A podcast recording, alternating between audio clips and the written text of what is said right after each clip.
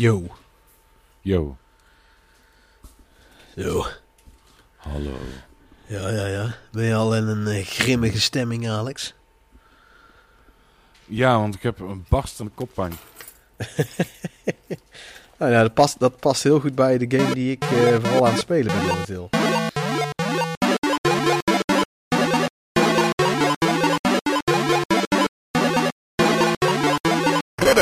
van de Retro Tafel. Welkom allemaal bij weer een nieuwe aflevering van de Ridders van de Retro Tafel.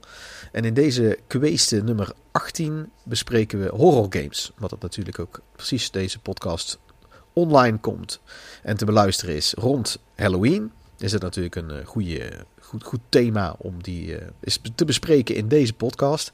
En er zijn nogal wat horror games te bespreken. Ehm, ik dacht dat ik wel, eh, dat het wel meeviel, maar in het onderzoek hier naartoe, naar deze podcast, kwam ik achter dat het eh, nog veel en veel meer was dan ik al dacht of wist. En eh, dat zullen mijn eh, mederidders ook wel zeggen. Dan hebben we als bekende ridders hebben we weer Alex. Hallo Alex. Hoi Peter.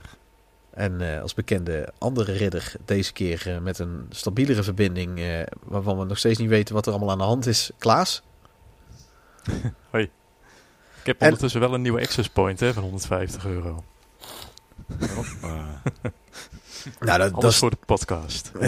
nou, dat is nice. Dat is eh well spent tot nu toe. En eh, dan hebben we een special guest. En dat is eh, Nick Vossen. Hallo Nick. Eh goedenavond. Hallo. En eh, Nick, jij, eh, moet, jij moet natuurlijk even wel introduceren. Want jij bent. ehm, ik heb jou ehm, via de Nachtvlinders, de website denachtvlinders.nl. Een website eh, puur gefocust op horror, griezelen en dat soort dingen. Eh, voor alle mediavormen daarvan. En eh, daar had ik de, contact met de eigenaar, hoe heet hij ook alweer? Ehm, Eh, Frank Mulder. ja, Frank, Mul- ja, Frank Mulder. En die had gezegd, nou, Nick weet meer van games en horror games dan ik. Dus, en jij kon, dus dat is super leuk. En ehm, jij, schrijft artikelen, jij, jij schrijft artikelen voor de Nachtvlinders, hè? Ja, dat klopt. Ja. Eh, maar jij bent met name eh, ook een schrijver. En een schrijver van eh, horrorverhalen. Dat klopt. Ja, ik eh, ehm, ben begonnen met schrijven van horror short stories. En dat is uiteindelijk een beetje meer diversere genres gaan aannemen. Maar daar liggen wel mijn roots, om het maar zo te, zo te noemen. Ja. Ja, ja. Ja, en ik had ook, eh, was ook, er is ook een, eh, een, een eh, podcast van de Nachtvlinders. Er zijn maar twee afleveringen van. En daar was jij in de tweede ook te gast. En daar heb je het best wel uitgebreid over. En ja, kan, kan je iets vertellen over waar, waar kunnen we jouw schrijfwerk vinden? En wat is een, een van jouw laatste schrijfwerken? Of wat, wat, wat, wat, kunnen we lezen van jou? In principe overal waar online boeken worden verkocht. En in Europa is het vooral op e-book formaat. En, en via Amazon op paperback. Maar ehm, eh, vooral in de Verenigde Staten op paperback. Ehm, gezien ik een Amerikaanse uitgever heb. eh, ik ben bezig met een boekenreeks. Eh, de reeks genaamd The Eldritch Twins. Eldritch eh, verwijst een beetje naar eh, de Lovecraftiaanse insteek achter, achter de boekenreeks. Ja. En daar is nu vorig jaar in oktober is het eh, goede timing, het eerste boek van uitgekomen. En ehm, dit jaar in november, 25 november, komt deel 2 eh, uit. En eh, ja, daar ben ik nu vooral, vooral mee bezig. Ik ben voor een trilogie. Ik ben bezig met het, het derde boek af te schrijven. Dus, Gaaf. Ja, heel leuk. Ik, eh, ik, ik ga het sowieso eens lezen. Daar ben ik heel benieuwd naar. Ik, ik lees graag ook veel. Dus. En eh, ik hou ook wel van horror. En ik ben ook een groot liefhebber van Lovecraft. Of Lovecraft, eh, hoe je het wilt zeggen. en ja, want jij schrijft ook in het Engels. Dat, dat begreep ik ook al. En, klopt, ja. wat doe je vooral bij, bij de Nachtvlinders? Voor artikelen schrijven? Eigenlijk een beetje van, van alles. Wat? Het is natuurlijk een, eh, een ding dat. Een beetje waar, jij, eh, waar jouw interesses liggen. eh, dat je dan vanzelf eh, leuke artikeltips tegenkomt. Ik schrijf nu voornamelijk over games en over films. Maar ik heb ook wel eerder boekrecensies gedaan. Dat ja, als schrijver lees je ook wel, wel veel. Een aantal interessante boeken die voorbij komen. En ook bijvoorbeeld eh, de recente influx van horror-series op, eh, op Netflix bijvoorbeeld. Dus eh, de laatste paar jaar echt flink gestegen. En ook qua kwaliteit vind ik. Dus dat ehm, zit ook absoluut een aantal toffe series tussen de, Ja. die ik dacht van ja, daar, daar wil ik ook graag een recensie over schrijven. Bijvoorbeeld. Ja, dus je, je, want het is eigenlijk vooral een nieuwssite waar ook reviews op staan. En jij schrijft eigenlijk voornamelijk reviews, begrijp ik. Of schrijf je ook eh, nieuwsartikelen? Reviews en kijk, als je leuke, als je leuke nieuwtjes tegenkomt, bijvoorbeeld eh, eerder deze week kwam de, de poster van de nieuwe Scream film op het internet. Oh, dat is waar, ja. Met Ja. wat beelden. Nou, dat is super leuk om te zien. En dan iedereen, ja, kun je ook wel zien op Facebook van de Nachtvlinders. Iedereen van, ah, ik ben aan het wachten op die trailer. En dan komt gisteravond, geloof ik, komt die trailer. Ja, dan, dan voel je je ook wel een beetje verplicht om dan zo'n follow-up artikeltje te schrijven van, ah jongens, hij is er. Ja, ja, ja, dan word jij een En, beetje de, de, de, de, de reporter van dat stuk, eh, dat stuk eh, nieuws, zeg maar, van, Ja. dat, eh, van, van die film eigenlijk. hè. Nou, Een, een reporter wil ik het wil ik niet zeggen, maar het is inderdaad... nee, ben je niet, niet ter plaatse op de set? Ben je niet ter plaatse, Nick? nee, was het, goed. Was het nou? Ja, dat zou wel leuk zijn, ja. Ben jij de Ghostface Killer? Dat is Ja, het glansrol. Eh, Dat is, eh, dat is de twist van, eh, van het hele verhaal inderdaad dan, ja. It- it's a Dutch Rider. Oh no. Ja, nee, goed. Ik, het is een, een site ook die best wel gaaf is. Waar ik ooit eens een keer op ge- geland ben en daarna weer compleet vergeten. En dat zei ik ook tegen, tegen Frank. Van, dat ik, ik, ik, ik zit te weinig op mijn netvlies, jullie site. Eigenlijk dat ik hem voor het eerst weer ontdek. Eh, dat, terwijl ik best wel gek ben van horror en eh, mijn vrouw ook. Nou, tof. Oké. Nou, ik denk dat dat zo wel een mooie introductie is van jou en eh, wat je doet. En dat we eens snel doorgaan naar de intocht.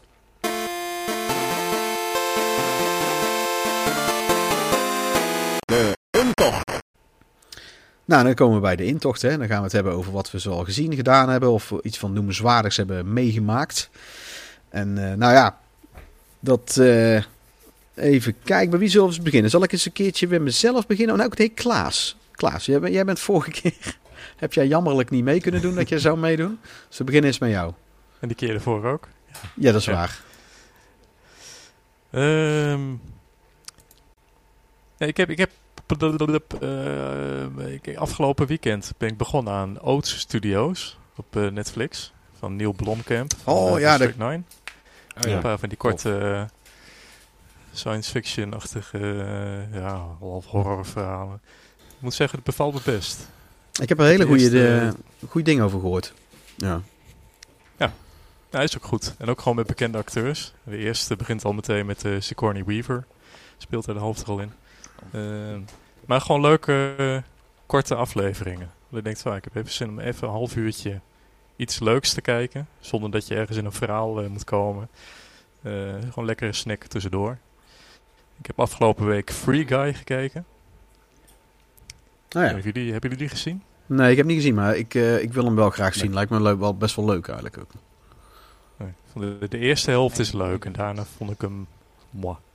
Oké. Wie heeft iemand, heeft iemand anders hem wel gezien? Nee, ik heb hem eh, niet Dat gezien. zegt mij niks. Oh ja, het gaat over een gast die in een gamewereld... Hij is eigenlijk een NPC. Precies. Ja, het, het Oh, idee is heel leuk. het wordt ook wel heel leuk uitgevoerd hoor. Dus met eh, Ryan Reynolds. Ehm, maar op een gegeven moment dan wordt het meer een... een eh, het idee van die gamewereld wordt dan meer een gimmick die naar de achtergrond dan eh, verdwijnt. En dan wordt het een soort van half eh, liefdesverhaal. En ik, ik, vond, ik vond hem uiteindelijk iets minder worden dan dat hij begon. Ja, Eh, maar nog steeds wel de moeite waard. Ja het lijkt en me ook heb... moeilijk... eh, ja? Het lijkt me ook oh, moeilijk nee, om, verder. nou, om zo'n concept eh, helemaal tot aan eh, de eindstreep goed uit te werken. Dat lijkt me ook echt een eh, behoorlijke task, zeg maar. En eh, ik, ik vroeg me al Ja. af van hoe gaan ze dat doorzetten zonder dat het op een gegeven moment... eh, nou ja, wat je zo vaak ziet bij dat soort films en... en, eh, en Ja. ja. Nou, toch wil ik hem wel graag zien. Ik, ik, hij lijkt mij echt wel leuk. Ja. Ik denk wel dat hij heel vermakelijk is. Beetje net eh. als... eh, nou, maar dat is het ook. Een beetje net als eh Wreck-It Ralph. Dat is ook zo'n film die dan gewoon leuk Oh. begint. Het idee is leuk en uiteindelijk dan kabbelt het een beetje voort. Tenminste, dan, eh, het, concept is dan dat, dat verdwijnt wel naar de achtergrond. Tenminste, het draait er nog wel steeds om. Alleen het vernieuwen is er na een, een half uur is het er wel af. Ja, je bent eraan gewend op een gegeven moment. En dan, eh, maar er zitten een paar leuke dingetjes in. Eh, en het einde is ook bevredigend. Dus ik, ik kan hem sowieso aanraden. Eh, en ik heb eh, Squid Game eh, gekeken. Maar dat, dat, dat, daar was ik twee weken geleden al klaar mee. Maar ik heb sindsdien geen podcast meer opgenomen. Dus ik weet Ah. jullie die... eh, hebben jullie Ja, ik, Alex had hem twee weken geleden getipt. Die was toen bij aflevering 3 of zoiets, zei hij. En ik heb hem Ja. zelf inmiddels... wij hebben hem gisteren hebben we de laatste aflevering gezien. Eigenlijk op, mede op, op Ja. Alex en aanraden zijn we die gaan kijken. En we hadden er ook allebei wel zin in, ik met mijn vrouw. En ik vermoed dat Alex hem ook heeft afgekeken inmiddels al. Dus, ah, zelfs nog niet aan begonnen, maar het staat op een lijstje. ja, ja, het, is, eh, het, het is zo hysterisch populair nu dat het mij gewoonlijk zou afremmen om te gaan kijken. Maar Vooral op basisschool, hè? Het is, het, is, eh, het is toch eigenlijk wel een hele dikke aanrader, vind ik hoor. Het- Alex, heb jij het al afgekeken? Ja, ja, ik heb hem helemaal afgekeken. Ehm, toen ik eraan begon wist ik ook helemaal niet dat het eh, ja, zo'n eh, zo'n groot succes was. Ik dacht gewoon van, oh leuk, Koreaanse serie. En, eh, Ja, maar dat had, dat had ik dus ook. Maar jij zat ook al vrij eh, voor de hype dan, dat je hem keek. En uiteindelijk werd het gehyped en eh, werd het heel populair. Nou, dat wist ik, dat was toen eigenlijk ook en, nog niet en zo. terecht vind ik. Maar ik ben... Nee, vind ik ook. Ik vond alleen die, die Amerikaanse acteurs gewoon Ja. tenen krommend Ja. slecht. Maar ergens is ook Ja, wel weer heel- lekker cheesy. denk, Ja, Ja, ik denk dat dat ook eh, precies de insteek is geweest. Dat ze zo maximaal irritant Ja, ik- eh, mogelijk moesten zijn eigenlijk. En het is ik ook, weet het niet. je hebt- ik heb ook het idee dat het een Engels, Engels dialoog is wat geschreven is door een Koreaan. Maar, Ja, die, eh, ja. maar ik vond het juist wel een soort, eh, soort cheesiness eh, B-script. Ik, ik, ik vond het passen bij het soort walgelijke personen dat het moesten voorstellen. Dus ik had er niet zo'n last van. Ik hoef dit Ja. eh, denk ik niet aan jullie te vragen. Maar ik neem aan dat jullie hem allemaal gewoon in het Koreaans hebben gekeken. Eh, nee, ik, ik prefereer Ja. al, eigenlijk altijd alles in het Duits nagesynchroniseerd. Want dat vind ik namelijk geweldig. Oh, ja. Oh, man. Ik, vind, ik ben vooral groot fan van Bond. James Bond. Het uh, Dr. No. Dat is wel de Nee. stem van Arnold Schwarzenegger. Glaubst du, dass ich sterben zal? Nein, Bond. Ja, nee, ik, eh, ik, we hebben hem in het Ooit een keer Koreaans. geprobeerd om... eh? Oké. Wat zei je, Nick? Ik heb ooit een keer geprobeerd om, eh, om de, de Lord of the Rings trilogie te gaan kijken. Of de, die Her der Ringen. Eh, vol goede moed. Gewoon omdat het eh, hè, een beetje voor de, voor de lol. Maar dat is toch na een half uur... Was het ook afzien. Als je weet hoe lang dat die films zijn achter elkaar, dan eh, Ja. ben je er toch wel gauw klaar mee. Ik heb, eh, ik heb bij- een game waarin ik dat vooral heb gedaan, is bij, bij Fade to Black op de PlayStation 1. Dat was echt toen de eerste game die ik ooit heb gekend. En volgens mij was het misschien ook wel de allereerste game waarbij je alle talen kon instellen. En dan kon eh, op die disc stonden ook al die talen en alle audio van die talen. En dan kon je al die, die intro filmpjes, dus wat best wel wat audio, wat dialoog in. Dat hebben wij toen in alle talen zitten kijken. En daar hebben wij iedere keer op de grond gelegen van het lachen. Omdat, ook omdat dat is wel geinig. we 14 waren natuurlijk ook, maar... Dat was dan eh, best wel een serieuze... Ze hebben een beetje zo'n alien setting, qua sfeer ook. Ze hebben echt een beetje geript van de oude alien film. En dan... ehm, of ode aan is het meer. Is, het is wel leuk. En, dan heb je zo'n best wel serieuze sfeer, moet het voorstellen. En dan krijg je allemaal van de Duitse gezwets. En dan zo'n alien, zo'n lizardachtige alien die in het Duits aan het, aan het brabbelen was. Dat was heel erg grappig, was dat. Maar dat was maar heel kort. dat was maar heel kort. Dus dat, eh, en dat vond ik ook eh, toen ik Assassin's Creed, de Xbox One had, die vervelende klote taalinstellingen in het begin. Dat als jij in Nederland woonde, kon je ook alleen maar in het Nederlands spelen. En dan kon je ook. Oh, ja. Dus ik heb toen een Amerikaans account eh, moeten selecteren om aan te geven. Om, om, om het spel in het Engels te kunnen spelen. Eh, en, in plaats van dat ik dan ook dat er dan, dat er dan arendsoog. En eh, de, de assassijnensprong, of weet ik wat. Het was allemaal ook heel lui vertaald. Zo van, laten we het gewoon letterlijk overnemen allemaal. Er was echt niet doorheen te komen. Ik heb toen ook gewoon e- echt eerst die instellingen helemaal moeten aanpassen. Omdat het gewoon zo kloten is. Om het in het Nederlands te gaan spelen. En zo knullig ook gewoon. Wat, eh, goed. Dat, ja, Alex, jij zal dat Ja, probleem ja, ook wel hebben gehad, of niet? Ja, dat is het vooral dat, dat knullige. Maar volgens mij viel het vaak eh, te verhelpen met de locatie van je console. Als je die gewoon ergens op een Engelstalig land zette, dan was het weer goed. Maar Ja. Ubisoft was inderdaad heel erg goed in het forceren daarvan. Echt eh, tot, eh tot vervelens aan toe. Ja. En Ja. inderdaad, zoals je zei, echt, echt heel tenenkrommend. Gewoon eh, lui, eh lui vertaald en eh, zonder emotie. Of af en toe had je dan wel eens ook een, een celebrity of zo. Die dan zijn stem deed. Eh, Iemand Ja.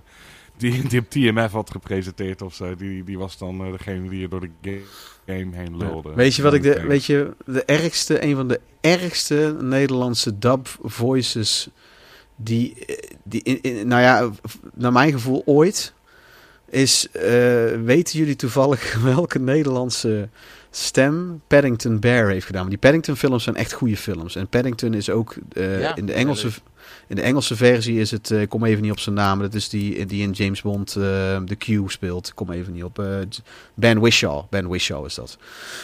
En Oh. weet, weten jullie wie de Nederlandse heeft gedaan? Wie, de, wie Paddington heeft gedaan? Ja. Nee.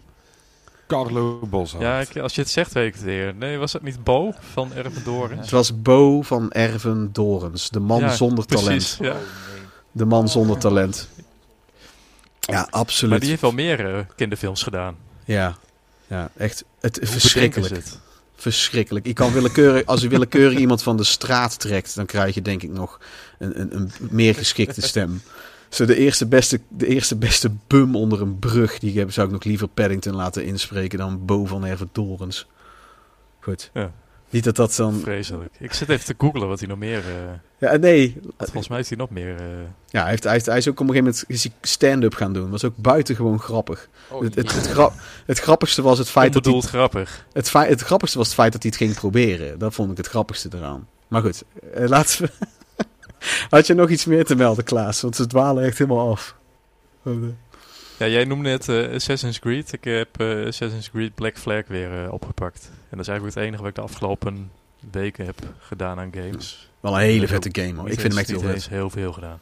Oké. Ik vind die sfeer heel vet. Ik vind het Ja. met de piraten gewoon... eh, Heb je ook al eh, veel shanties in je hoofd? eh, ja, maar niet uit Assassin's Creed.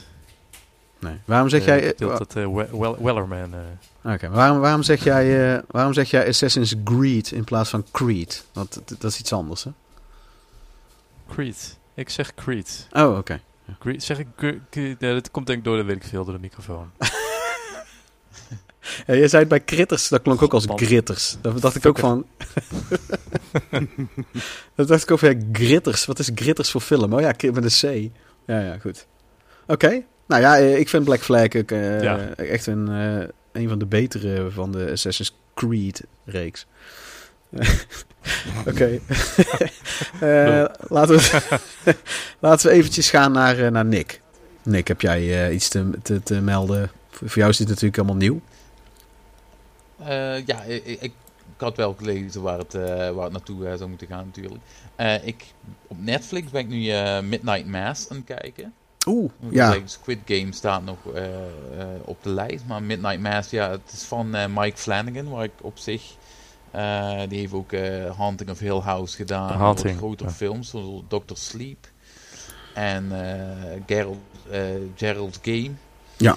En eh, ik, ben wel, ik ben wel fan van, eh, ben fan van zijn werk. En Ja. eh, Midnight Mass is dan weer een heel ander soort, soort horror. Meer een beetje dat, ehm, dat, eh, dat vage eh, psychologische horror een beetje ertussen. Eh Ja. Eh, voelde ook een beetje lynchy in aan. Ik ben nog niet helemaal er doorheen, maar het is, eh, ja, ik vind het vooral een, een mooi geschoten serie, zeg maar. Nou, ik ben heel benieuwd, eh, want ik, ik ben ook wel redelijk fan van Mm. Mike Flanagan. Is, het, is het een Mike Flanagan dan? Maar goed, die, ik heb, wij hebben die, die Haunting of Bly Manor hebben wij een tijdje terug nog gekeken. En ik, we keken al uit naar Midnight Mass, maar we waren nou Squid Game aan het kijken. Dus die, die gaan we nou binnenkort aan beginnen, ja. Ja, ja ik ben eh, ook wel heel benieuwd. ook echt goed. Ja, ja, ja. ja. Eh, even kijken verder. Eh, ik ben eh, Alan Wake Remastered aan het spelen op de PlayStation 5. Oh, Ehm, tof. Ik heb Alan Wake bijna tien jaar geleden of zo gespeeld op, ehm, eh, op Steam. En ik had altijd, ik wou altijd nog een keer terugkeren, wat ik vond, eh, ja, de, die, hele, die hele mood van die game eh vond ik echt super gaaf.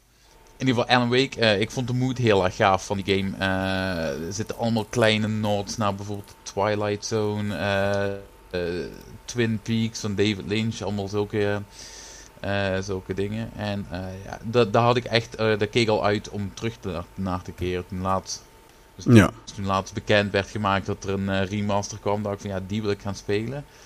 En ben gaan begonnen en ja, toch erachter gekomen dat de combat in die game echt verschrikkelijk is. Ehm het was toen de tijd eigenlijk al, eh, al niet het beste en eh, wordt ook echt niet Oh dear. Een goede, woordspeling op eh, Alan Wake. De combat is gewoon kut. Ja, ik, ik, ik vond het zelf wel meevallen eigenlijk. eh. Nick, hallo? Ja, dat is af en toe wel bitter. Maar, ja. Yo, Nick. Maar de, de, de combat die, eh, die, die zoog eh, nogal hard, zei je? Ja, precies. Het was eh, toen de tijd al niet heel erg goed. En eh, ja, eigenlijk nu, eh, nu, dat wordt niet echt beter met de tijd, zeg maar. Oké. Nou ja, ik, eh, ik heb hem zelf iets van drie keer uitgespeeld destijds op de Xbox 360 al. Dus ik heb nou totaal... Ik voel geen rush naar de... ehm, naar de om nou de, die remaster gelijk te gaan kopen. Want die remaster is... eh, ik, ik heb... Zodra ik echt zin krijg om, om hem nog een keer te gaan spelen... Dan, dan koop ik die remaster wel. Ik denk ook niet dat dat iets is wat snel de winkel uitvliegt en het is niet meer te verkrijgen. En, eh, Oh, ik, ben nee, ook, ik ben nog steeds bezig met Control ook van hun. En eh, heb je trouwens ook, eh, dat, want wat heel veel mensen om een of andere reden gemist hebben, is heb jij eh, de, de mini-tv, eh, de, de miniserie, die, die ze als prequel hebben gemaakt, die Bright Falls. Ja, Bright ja, Falls. Bright Falls. Dat is gebaseerd op eh Nee, het is, het. Het is een prequel op Alan Wake. Die speelt een ander, dat is een, dat is, Het is Oh. geacteerd en het is een, een andere schrijver die dat stadje bezoekt. Bright Falls heet het stadje. Eh, zoals je weet. En eh, nou ja, dat, dat gaat eh, niet helemaal goed. Zoals je kan, kan verwachten. En eh, het, het, het, het eindigt eigenlijk met dat eh, Alan, Alan Wake zelf aankomt. En het, het is gewoon een hele mooie, eh, he- hele vette, vind ik, heel, heel simpele miniserie als prequel op de, op de game. En ik vind het echt een dikke aanrader. Ik, heb er nog, ik had er nog nooit van gehoord. Nee, heel Ja, veel mensen hebben dat. Heel veel mensen hebben dat. absoluut achteraan, ja. Ja, je, je kan hem zo op YouTube kijken. Het is bij elkaar niet eens een half uur volgens mij. Of het is ongeveer een half uur. De eerste keer dat Remedy ook eh, van, van die real-life eh, eh, ehm, ja, korte films in een, eh, of tenminste bij hun games eh, deed. Want daarna is het eigenlijk gewoon standaard geworden. Ja, nou je dat zegt, ja. Daar heb ik eigenlijk niet eens bij stilgestaan. Ze hadden ook in, eh, in die game die ze na Alan Wake hebben gemaakt. eh godver. Eh nou kom ik er niet op. Quantum Break. Quantum Break. Daar zit Ja. ook zo'n zo'n rare X-Files acteerscène. eh, act- zo'n miniserie eh, eh, trailer hebben ze dan ook die je in de game zelf kan bekijken. Die, eh, die zag er ook echt heel vet uit. Maar je weet, je, we weten ook allemaal denk ik wel dat die, eh, dat die Sam Lake, dat die, eh, die, die schrijver, dat die groot fan is van X-Files en de Twilight Zone. Ja. Eh, en, en dat eh, merk je ook heel erg in die sfeer eh, terug. Ook met Control. Control is ook gewoon net een- één grote Twilight Zone aflevering, vind ik. Eh, met schieten. met schieten dan wel. Ja. Oké, ja, heel vet, eh, Nick. Die, Eh, die zeker nog op mijn lijst staat. eh, ja. Ja, ja die, nou is er die remastered versie van uit. Wat ik echt een beetje een nice streak vind voor degene die het het jaar daarvoor de game hebben gekocht. eh, vind ik niet helemaal, niet helemaal netjes van Remedy, eh, moet ik heel eerlijk zeggen. Maar eh, ja, verder wel een vette game hoor. Echt gaaf. Ja. Dat, eh, En eh, verder nog Nick. Naast eh, Alan Wake. eh, en, eh, had je nog verder nog iets anders gezien? Of, eh, Eh, ja, ik ben hem een beetje eh, even kijken om het, eh, eh, het Alan Wake verhaal eh, een beetje als tegenpool ben ik ook weer begonnen met, of ja, ik begonnen, ik ben Phoenix Wright Ace Attorney aan het spelen op mijn Nintendo DSi XL. op de, voor het eerst? Voor het, ja, ik heb de deel 2 en deel 3 heb ik echt al heel lang geleden ooit een keer gekocht en gespeeld. En die vond ik helemaal fantastisch. En ik heb deze ehm, onlangs op een, op een rommelmarkt gevonden. Helaas zonder doosje, maar eh, ja, de prijs was zo hoe ik denk, ja, die, da- die moet ik hebben. En dan eh, ben ik hem ook direct gaan spelen. Nou, ik vind het echt fantastisch, eh, fantastisch leuke games. Ja. ja, ik ben ook groot fan. Ik heb ze ook echt allemaal en allemaal helemaal uitgespeeld. En ik, ik ben nou voor de tweede keer ben ik ze gaan spelen. Ik ben nou bijna klaar met deel 3. En dan ga ik door naar, naar, de, naar die andere toe. Die deel 4 die, die als enige steeds maar niet opnieuw uitkomt. Die, eh, waarbij een Apollo Justice is dat. Die Ja, is ook echt heel vet. Ja. die heb ik nog nooit gespeeld. Ook die, die eh, Miles, ehm, Miles Edgeworth. eh, Investigations. Investigations. Ja.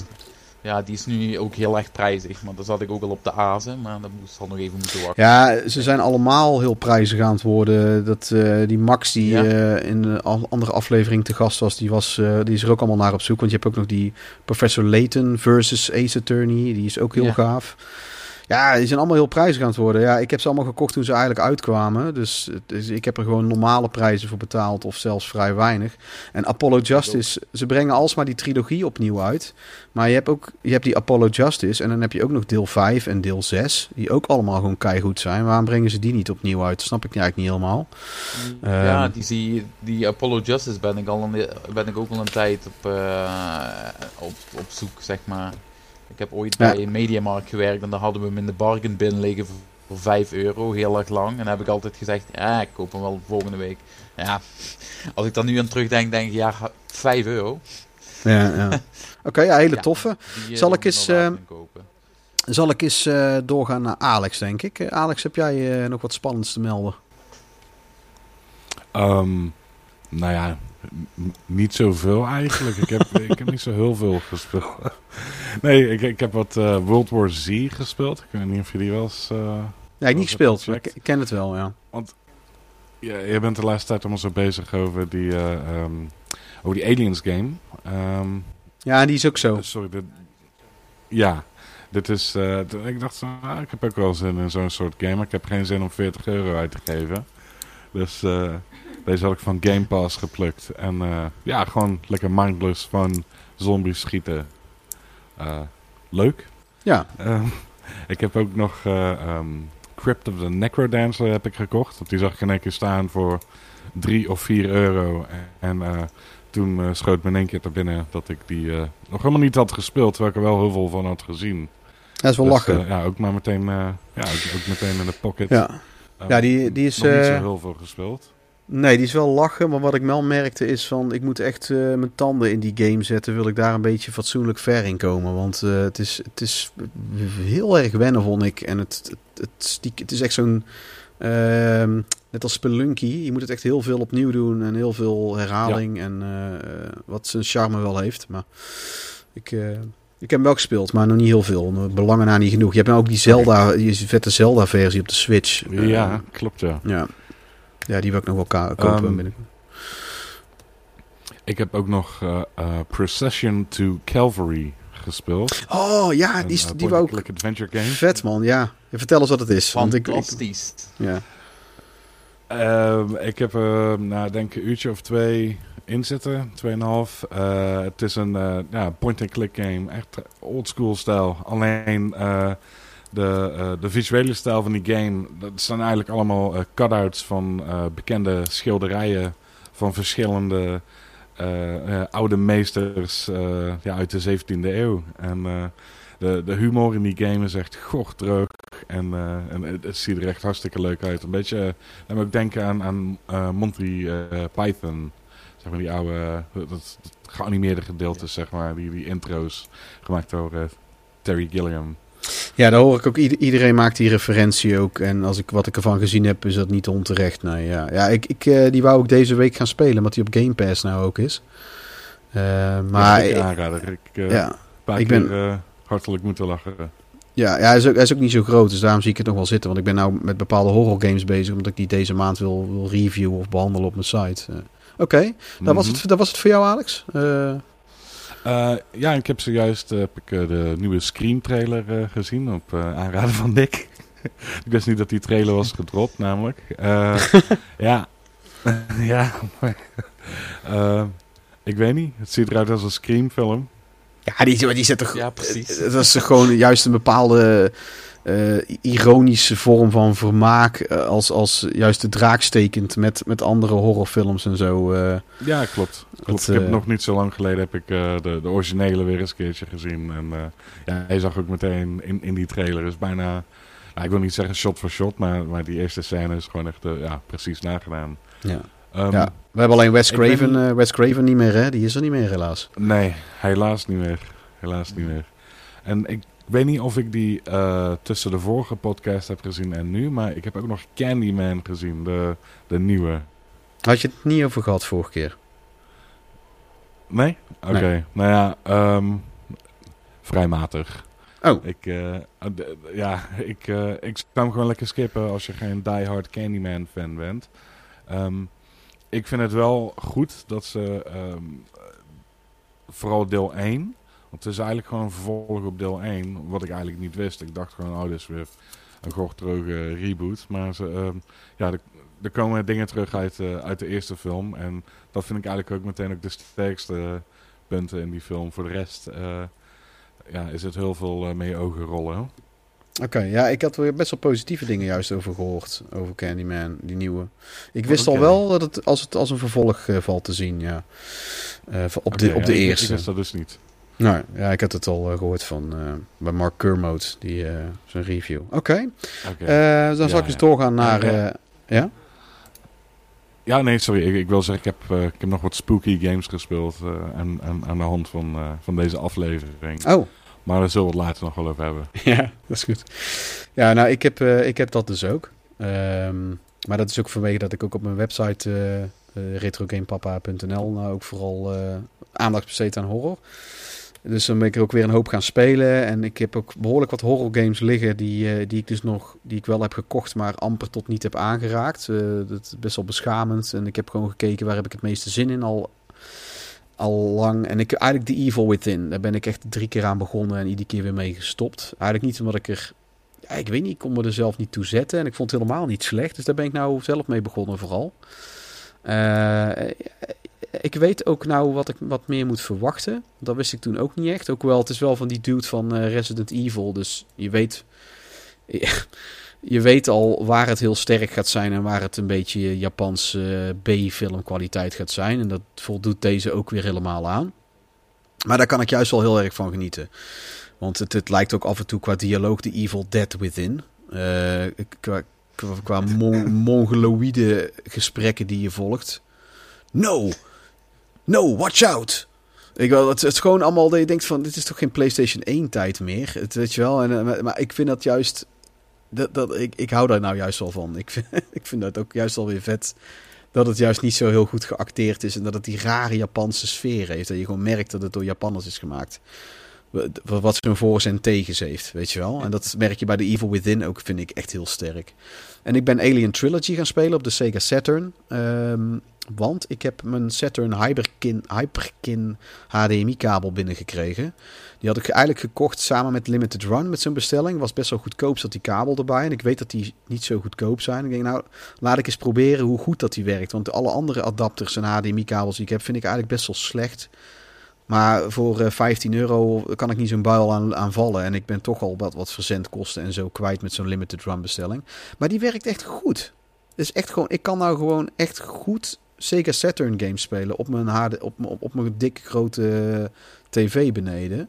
Het ziet er echt goed uit. Het is een crisp beeld. Het is ook geen flikkerend, trillend beeld. Dat heel veel van die adapters wel hebben. Dat je gewoon nog steeds, dat je, bloeden, je ogen gaan bloeden, zeg maar. Eh, dus ik ga er nou ook eentje voor de N64 kopen. Waarbij ik echt hoop dat het net zo goed werkt. Dat ik iets beter die games kan spelen. En eh, dus ik ben nou... Dus ik heb ja, die Alien Trilogy. Dat is ook zo'n horror game. Het is een first-person shooter. Heel apart hoe die voelt qua sfeer. Daar ben ik mee begonnen. En ik heb natuurlijk ook... ehm, Metroid Dread is binnengekomen, maar ik, daar wacht ik nog even mee, omdat ik het nou gewoon te druk heb met die horror games. En ik wil eerst nog die, ehm, die, eh, die remake van eh, Metroid 2, die Samus Returns op de 3DS, die heb ik nooit uitgespeeld. Eh, gewoon omdat ik er niet aan toe ben gekomen, terwijl ik het echt kei vet vind. Dus die, ben ik, die wou ik eerst uitspelen. Dat doe ik nou af en toe tussendoor. Maar ja, goed, wat ik al zei. Ik heb die... ehm, ik heb natuurlijk de Evil Within en die horror games nou te spelen. En dan verder... ehm, ja, heb ik... ehm, heb ik nou dat, eh, dat eh, eh, Retro Game Papa en Ridders van de Retro Tafel ook op Patreon. Heb ik nou eh, eh, profielen aangemaakt. Dus daar ben ik druk mee bezig. En tegen de tijd dat deze online is, dan eh, zal ik het allemaal rond hebben. En dan kan je, ja, dan kan je ons supporten. Want het kost best wel veel tijd. En ik lever er eigenlijk, ik, ja, het kost me ook best wel wat, wat, centen, zeker op jaarbasis. En ik heb nou zoiets van, nou, het, iedereen die ook maar enigszins wil helpen, is, is van harte welkom. En je kan het gewoon op Patreon en dan op Retro Game Papa. Kan je gewoon zo vinden. En het, is, eh, het gaat vooral eh, om de podcast ook, maar ook om mijn eigen website. En eh, nou ja, alle, alle hulp is van harte welkom. En ik heb, dat, dat zou fijn zijn als ik dan de, alle rekeningen die, die dit toch ook kost en alle tijd, dat ik daar toch een beetje iets voor als vergoeding krijg. En het moet niet natuurlijk, maar ja, want jouw, jouw OnlyFans avontuur ver- verliep niet zo goed. nee, nee, ik moet mezelf te veel scheren dan. Wat ze, dat, eh, ik, daar heb ik niet zo zin in. En, eh, Daar hou je niet van, hè? Nee. Nee, nee. Nee, en ik moet elke avond moet ik aan de gang. Jongen, jongen, jongen, dat kost zoveel lotion. Ik had er echt, ik had daar geen zin meer in, eh, Alex. Die OnlyFans. Nee, nee, ja, dat is toch, dat is helaas niet geworden. Ja, groot gelijk. Dus eh, nou op, op Patreon en dan, eh, en dan op Retro Game Papa kan je het nou zoeken. En dat zal, eh, dat zal ik nog verder uitweiden in de volgende podcast. eh, zal ik het waarschijnlijk weer verder rond hebben. En, eh, maar mensen kunnen alvast kijken. Dus ehm, dan hoop ik dat het, dat het een beetje wat, wat wordt. en je kan ook kiezen wat voor soort. Je kan ook een ridder worden als je een wat hoger bedrag betaalt. En je kan ook, ehm, je kan ook een, een page kan je zijn. Geloof ik, dat had ik ook alweer van. Ik vond mezelf best wel grappig ermee. Eh, eh, wat ik had bedacht. Eh, want je kan voor 2 euro per maand kan je meedoen. En dan ben je een, eh, een page, geloof ik. Ja, ja, ja, dan ben je een page. En als je, als je dan iets meer betaalt, dan word je een, een schildknaap. en je kan ook een, een ridder, een mede-ridder worden. En dan, eh, dan mag je ook mee bepalen eh, waar, wat de onderwerpen gaan worden. En dan eh, dus heb ik een Discord eh, eh, server. Heb ik dan. Daar moet ik jullie ook nog bij zetten trouwens. En dan, ehm, ja, nou goed. Iets meer community op die manier uitbouwen. En ik ben benieuwd. Ik, het lijkt me heel leuk omdat je moet ook, ook ergens beginnen. Hè? Dus wat, tenslotte is het is toch hoe je dat moet doen. Maar laten we eens verder gaan. Ik heb... ik heb verder ook niks meer te melden. Oh, ik heb trouwens nog een, ja, ik heb trouwens nog één game binnen gehad voor de Links. Een nieuwe game voor de Links die pas net uit is. En dat is een RPG die iemand gemaakt heeft. Een beetje in de stijl van de oude Final Fantasy. En dat heet eh, Wyvern Tales. En volgens mij is het door een Nederlander gemaakt. Want het is echt knijter Nederlandse naam degene die het gemaakt heeft. Ehm, met een doosje en alles. Het lijkt helemaal. Het is een volledig originele Links release. En dat doet eh, Songbird Productions. Die brengt nou allemaal van dat soort eh, games uit. Dus het is gewoon een nieuwe game voor de Links, een RPG. Ik vind het echt heel vet. Ja, Ja, is ook vet. oké. Eh, goed, laten we eens, eh, ja, laten we eens doorgaan naar de postkoets.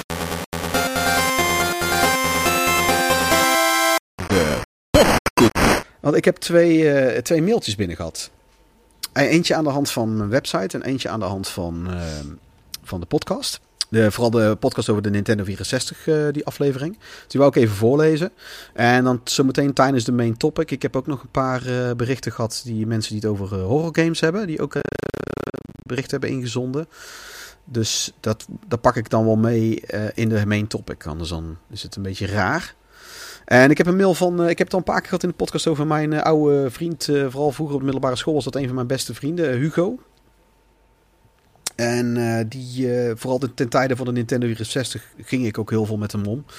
En dat, dat, dat, die heeft een, een berichtje gestuurd. een echt een mailtje. En die zei die, aan de hand van de Nintendo 64. Dus ik zal het even voorlezen. Leuke podcast weer. Heb hardop moeten lachen om dat stuk over Blast Corps. You can stop now. Een hilarisch moment inderdaad. Dat was toen ik eh, alles had gehaald in Blast Corps. Wat bijna onmogelijk is trouwens. Wat echt maanden heeft mij dat geduurd, eh, gekost om dat allemaal te halen. Op Platinum. Met, eh, je hebt zo time trials unlock je. Als je alles al hebt gedaan en alles hebt gehaald, kan je time trials goud halen. Dat was al moeilijk. En dan kon je ze daarna Platinum halen. Dat was echt eigenlijk bijna onmogelijk. En toch is het mij gelukt, omdat, eigenlijk omdat ik geen andere spellen had te spelen. En eh, Hugo was uh, ten getuige van het feit dat er helemaal geen ene reet gebeurt als je alles hebt gehaald. Behalve dat je ranking You Can Stop Now heet.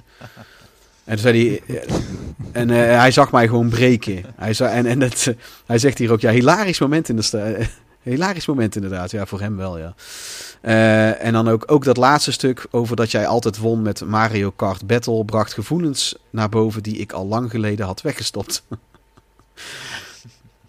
ja, dat klopt. Ja. Ik, ik won om een of andere reden altijd. Ik heb volgens mij ook serieus nooit verloren. Ik, wel eens een ronde, maar altijd op het einde van de middag stond ik veruit het verste voor. Ehm, ook het vervangen van de geluidssamples in Doom bracht mooie herinneringen terug. Bizar dat verhaal van Max en die overstroming. Ik moet er niet aan denken.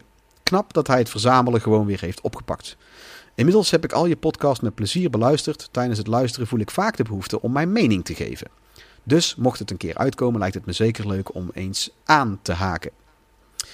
Ja, dat heb ik al tegen hem gezegd. Van, eh, ja, hij mag voor mij gerust een keer meedoen. Dat vind ik alleen maar hartstikke leuk. Dat is echt een van mijn beste vrienden geweest, eh, heel lang.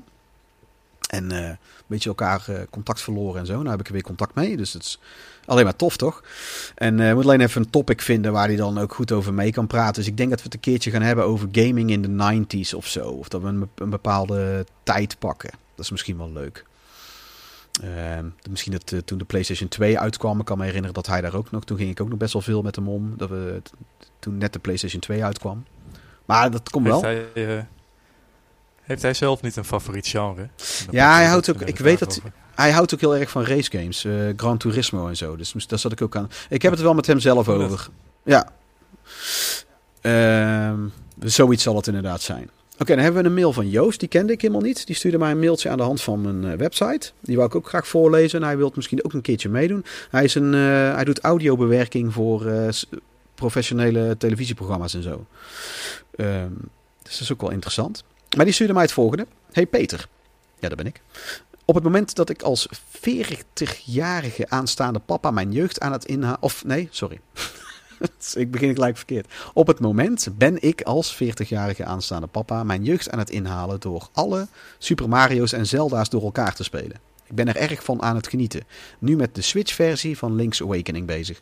Hierna staan dus Super Mario World 2, Super Mario 64 voor de DS... en Ocarina en Majora's Mask voor de 3DS te wachten.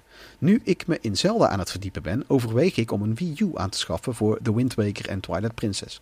Ik ben ook een beetje aan het twijfelen of ik niet aan het doorslaan ben, maar ik stuitte net op jouw artikel over waarom wel een Wii U te kopen. En zodoende dus ook op jouw te gekke site. Wat een ontdekking, super tof.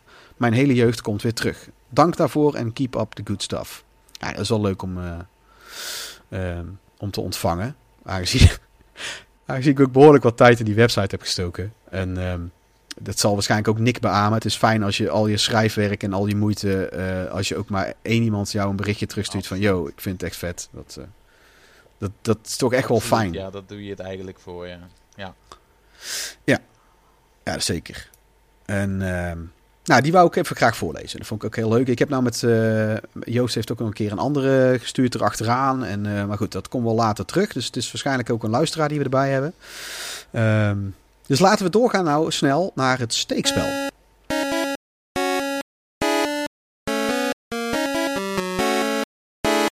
Het steekspel. En voor het En waar steekspel. heb je hem vandaag in gestoken? Nou, ik heb hem in mijn horror, in mijn horror game collectie heb ik hem gestoken. Want ik heb ze allemaal op één Ja? grote hoop, hoop gelegd op mijn tafel. Toen ben ik gaan prikken. En eh, Nick, en welke trouwens. Nick, heb jij ook nog een, eh, een game uitgezocht? Want jij, heb jij een redelijke verzameling games of niet? Want daar wou ik nog vragen aan jou eerder. Oh. Nick? Nick? Ja, ja, dat ben ik. Ja. Ehm, ja, toevallig. Ik, ehm, nou, ik ben eh, een van die niche-verzamelaars die van die big box PC-games. Oh, vet, man. graag Vet. verzamelt. En eh, een van de dingen die er bij mij eh, uitstak, wat een beetje, eh, een beetje de richting, richting de retro kant, maar ook zeker de horrorkant is, is de adventure game uit 1998 Sanitarium Vet. Ja, van die- ASC Games. ik vind het een hele vette. Echt, ja, het, dus de, de, de, de premise van de game is echt super. Eigenlijk, het begint echt super cliché. Auto-ongeluk, eh, je, geheugen kwijt en noem maar op. En het, het, het loopt gewoon zeg maar uit tot een, tot een super eh, vage, nachtmerrieachtige eh, droomwereld, zeg maar. Van een adventure game die ik gewoon echt. ik was negen toen die uitkwam en die heeft me toen echt flink, onder, flink indruk op me gemaakt. En ik vind hem nog altijd echt heel vet. Ja, je gaat, eh, want je zit zelf ook helemaal in het verband gewikkeld, eh, de persoon die je speelt. En je, hebt, eh, je gaat steeds naar een soort andere wereld, eh, realiteit lijkt het. En die, eh, die eerste, dat is zo'n echt zo'n Halloween-wereld met allemaal van die pumpkin patches, met allemaal van die misvormde kinderen. En Ja. dat maakt gelijk zo'n indruk.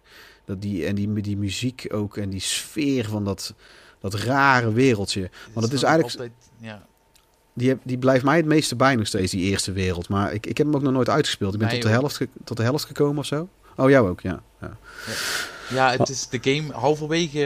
eh, eh, ja, het valt die een beetje uit elkaar, de game. Uiteindelijk ga je naar een of andere comicboekwereld waarin je een Cyclops alien bent in een of andere hive, eh, alien hive. En je bent een Aztekengod.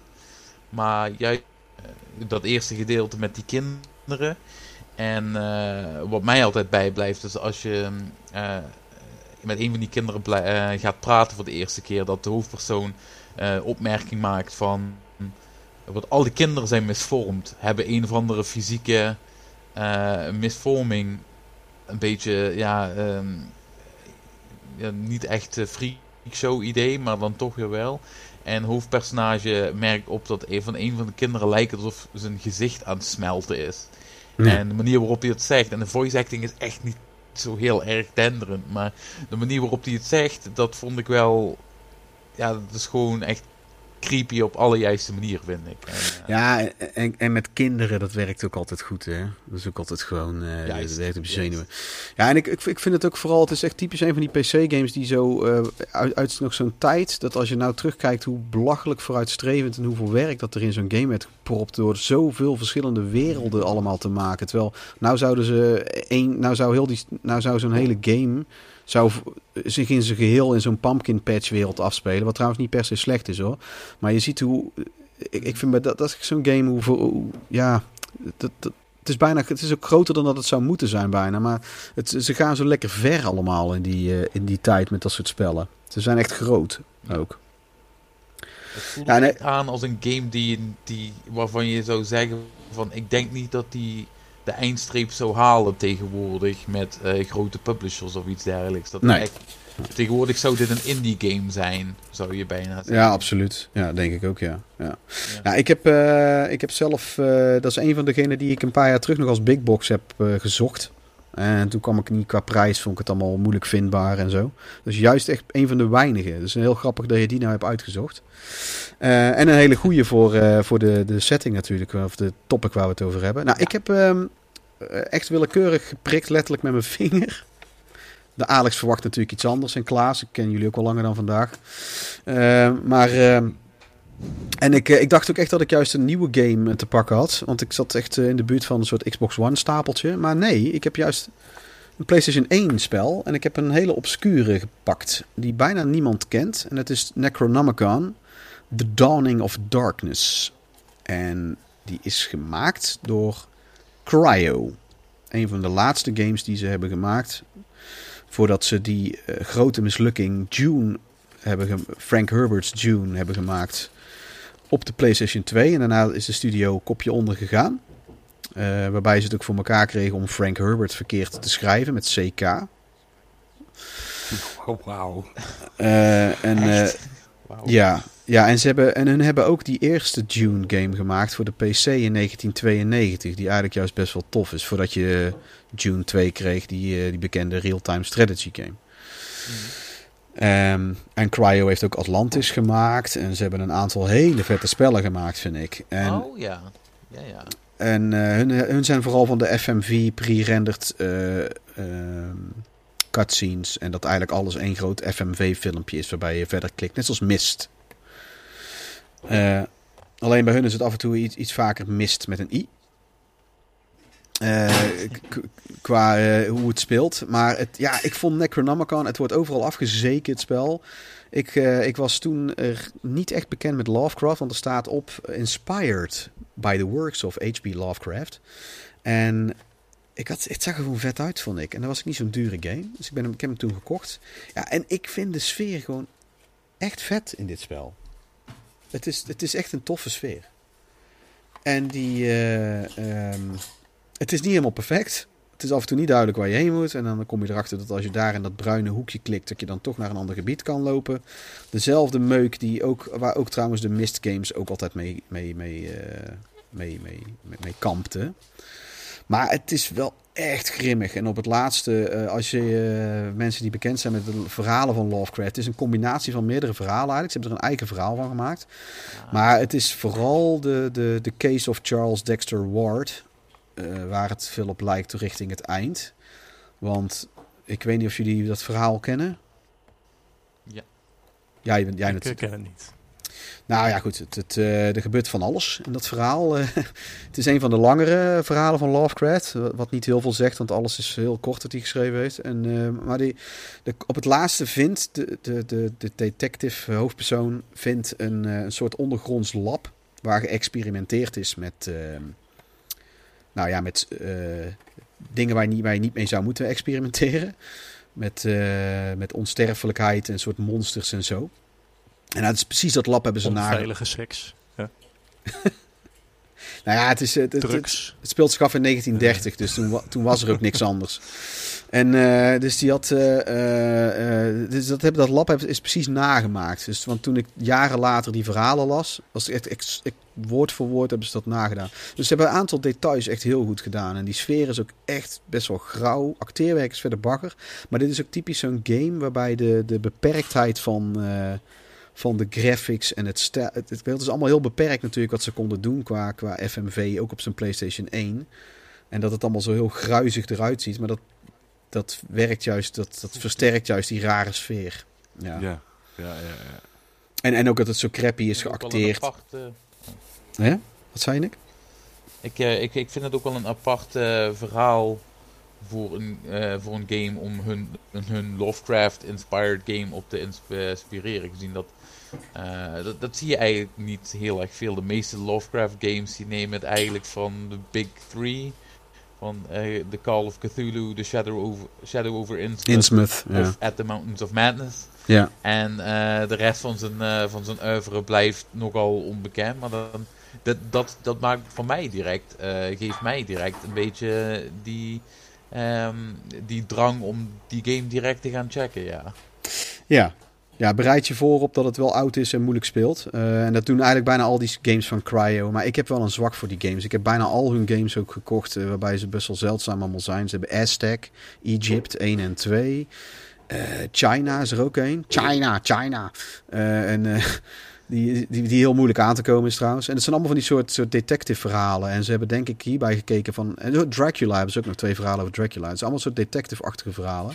Ik zal de achterkant voorlezen trouwens. Het is in het Engels. 1927, United States, East Coast. William H. Stanton's life suddenly takes a terrible... Nee, a terrifying turn for the worst. Ja, er zit een hele rare sprong in die tekst. Dus ik... What horrifying secret lies behind the mysterious occult experiments performed by the alchemist Herschel? The Necronomicon gives you the keys to the world of the deceased. Exploration, deliberation, action. The magic formula behind Necronomicon. Nou, action. Er echt geen action in hoor. Investigate a strange world. Question remarkably lifelike characters. nou, als je de game hebt gezien.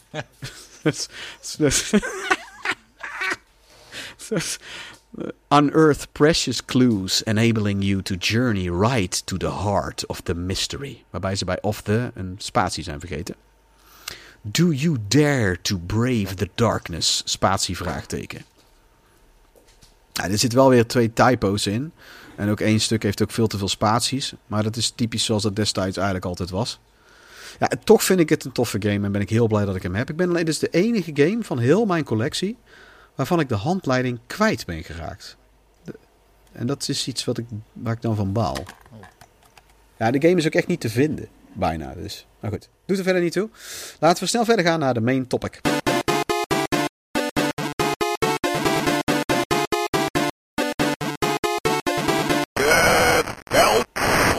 De main topic is horror games, maar ik heb ook horror in games. Omdat precies zoals onze vorige gast eh, Michiel al zei, eh, dat het... ehm, ja, horror is een, een filmgenre of, een, of een, een, eh, een, een, een schrijfgenre of een verhaalgenre wellicht. Maar het is niet echt een, een gamegenre, want een, je hebt niet echt horror gameplay op die manier. Eh, het is meer dat je horror hebt in een game, of dat het een horror sfeer of een horror stijl heeft. Ehm, Ja. En nou dat gezegd hebbende. Eh, ja, in hoeverre zijn. eh, ik, ik, ik heb. eh, laten we eerst hebben over soorten horror games. Daar heb ik al een heel artikel over geschreven vorig jaar. Maar ik ben benieuwd wat jullie ervan. eh, want ik heb zelf een rijtje. Met wat ik denk wat de verdeling is. Zal ik dat eens noemen? Dat jullie daarop kunnen schieten? Ja, begin maar jongen. Ja. Doe maar eens. Ja.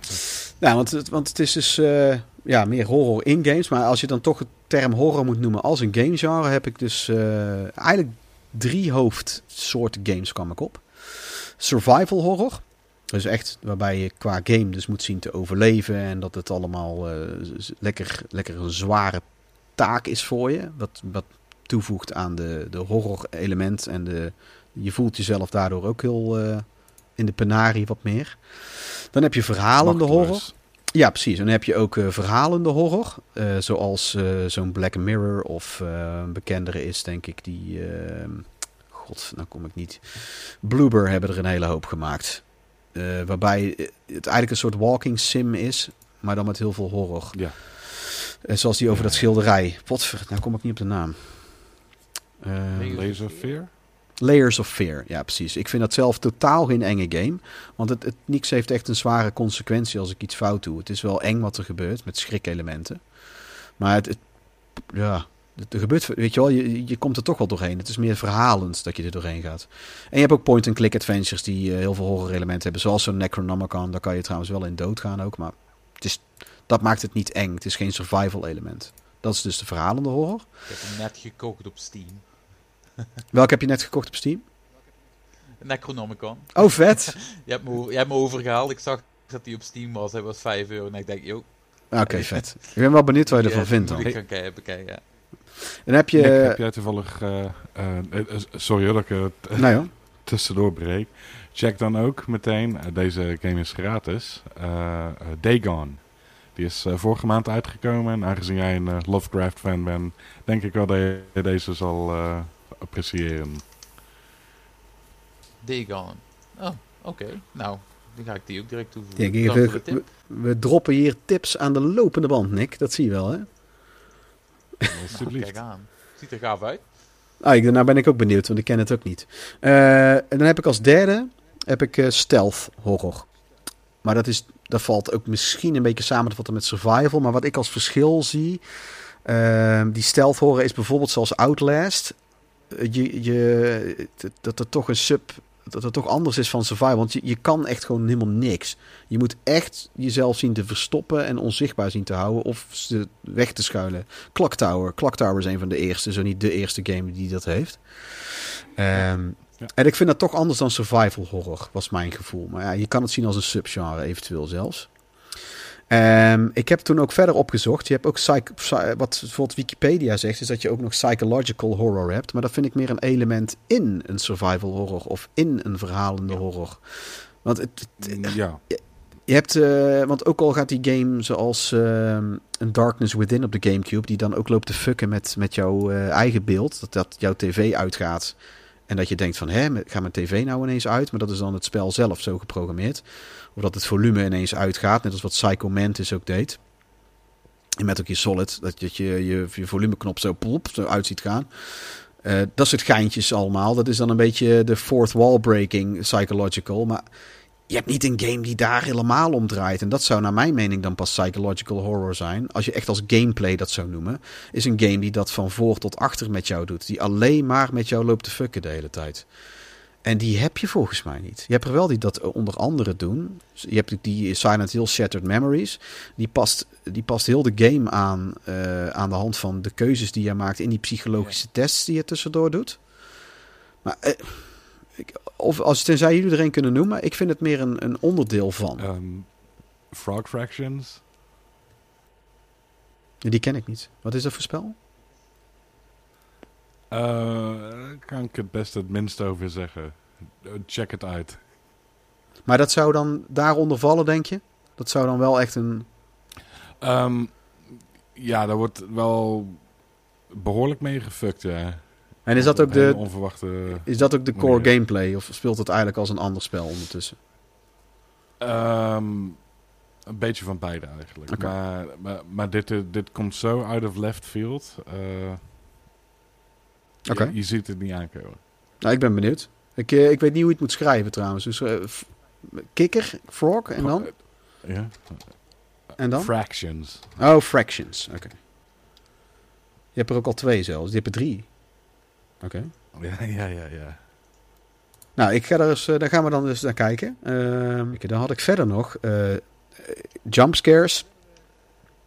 Je hebt ook, uh, zoals uh, Five Nights at Freddy's is veruit de bekendste. Die draait eigenlijk volledig om jumpscares. En verder speelt het meer als een, ja, als een, een beetje een soort survival tactische game. Maar dat, dat stond daar ook als een soort genre. Maar dat vind ik ook niet. Het, het is niet dat, dat je moet spelen met jumpscares. Dat, is, dat, dat slaat nergens op. Het is een element van de game. Maar het lijkt alsof degene die die Wikipedia-pagina heeft geschreven. dat hij niet snapt wat een, hoe je een game definieert. Weet je wel? Het, het, het is ook niet dat. Super Mario is niet een. Uh, een Italiaanse uh, plumber sim of zo. Het is, je bent een Italiaanse plumber. het, het, ja, ja, ja, het is heel raar. Het, raar dat dat... wel, ik kom niet uit Italië. ja, of een hoog. Het is ook geen hoogspringspel. Dat kan die wel. Dat is een element van het spel dat hij keihard kan springen. Vanuit stilstand zelfs. Net als Sylvester Stallone, groot acteur. Uh, en dan heb je ook, en had ik daarna als laatste dat je ook eclectische combi-fusion soorten hebt. Die allerlei dingen combineren. Want het is natuurlijk heel veel van die games zijn niet gemaakt met, met zo'n mindset door die makers op, op één soort uh, dingen gecombineerd heel vaak. Nou, uh, ik dacht dat ik het hiermee wel eens een beetje heb. Of heb ik denk ik naar jullie gevoel iets gemist? Want ik, het is natuurlijk uiteindelijk hokjes proppen, terwijl dat niet per se hoeft. Ja, ik vond het vooral moeilijk om, wel, om om überhaupt hokjes te maken. Want um, sowieso met de genre zelf. Wat is horror? Uh, wat horror voor de ene persoon is, wat, wat griezelig voor de ene persoon is, hoeft niet ja. voor de andere persoon. Uh, nee, dat, daar is ook. Dus, maar denk, uh, met het oog daarop dat je gewoon echt een heel breed overkoepelende genre hebt. Dus inderdaad, die dingen die jij net, um, dat lijstje waar je net mee kwam, dat zijn inderdaad wel de, de, dingen die het meeste tegenkomt in, in dat genre. Ja, want het, het, het, het, ik denk zelf zelf van wat is, wat, is het, wat is het doel van de game, weet je wel? En als het de bedoeling is om je, om het, dat het moeilijk is en dat je door een struggle moet qua gameplay om te zien te overleven, terwijl het ondertussen heel eng is, dan is het, uh, weet je wel, je moet vooral kijken naar wat is, wat is de gameplay element? Hoe hebben ze het bedoeld? Ook al werkt het um, op mij misschien niet als dusdanig eng. Zo, iedereen is zo heel erg bang van amnesia bijvoorbeeld. Daar komen we straks op. Ik heb dat bij die game niet zo bijvoorbeeld. Om een of andere reden. Het is niet dat ik het iets heb van dat het een walk in the park is of zo. Maar ik, ik ben daar beduidend minder eng. Vind ik minder eng dan de meeste mensen. Maar dat is ja, waarom dat dan bij mij is. Dat weet ik ook niet. Ik vind hem nog steeds wel eng hoor. Maar niet zo scared. Spookhuis games. ja. ja, je hebt ook griezeldingen. Ja, is het niet zo dat... Uh, ja, wat zou je zeggen, Klaas? Is het niet zo met, uh, nou, wat ik, met, met films, op het moment dat je over horror praat, dan gaat het er ook vaak over gore. En op het moment dat het vooral alleen spannend is, dan heb je het eerder over een thriller. Nou, met horror is, is het toch ook wel vooral de bedoeling dat, dat, dat, dat, het, dat, dat, je net, eh, dat het echt spannend en eng is. En gore is een element. Je hebt, je hebt ook een soort subgenre daarin, of een element erin, waarin veel gore zit. Maar je hebt ook van die, bijvoorbeeld zo. Slither, Slither gaat helemaal voor de gore, maar dat is totaal niet eng. Maar het is wel horror. Ja, dat, dat, dat, dat vind ik discutabel. Dat, vind ik, dat twijfel ik zelf eigenlijk eerlijk gezegd. Horrifying voor mensen. Ja. Ja, ja, maar dat dat is wel een goed punt waar je aangaat door Klaas. Maar, Klaas, maar dat... eh, goed, ik noemde jou per Kaas. ongeluk... Ik Zijn noemde jou per kaas? ongeluk... Ik wou net zeggen, ik noemde jou per ongeluk Wel, een, wel een Franse kaas. Ja, en, en oud belegen natuurlijk. Eh, even kijken. Nee, gewoon lekker, lekker brie. Ik ben een gek op brie. Ja, maar je bent ook gek op Ja. jezelf dan, dus begrijp ik daaruit. Ja, dat ook. Oké. Kopkaas. Oh, hou op. dat is ook, het kon erop wachten gewoon. Kon erop wachten. Oké, ik wil eventjes ieder zijn... eh, eh, want volgens mij is Klaas de enige die niet van, van enge games houdt. Eh, ik wil iedereen Nee, eventjes ieder zijn his- historie met enge games. En dan gaan we heel kort even hebben over waarom we zo graag horen spelen. En dan gaan we onze top drietjes af. Ehm, wat is ieders historie met enge games? Ik weet die van, eh, van Alex al een beetje. Ehm, de- maar ik ben vooral benieuwd naar... eh, laten we eerst beginnen met Nick, met onze special guest. Heb jij, waar ben jij mee begonnen met horror? Want jij houdt ook echt wel van, van horror games, neem ik aan. Eh, ja, ja, ik hou van heel veel eh, games in het algemeen, maar horror games zijn zeker wel, is zeker wel een genre.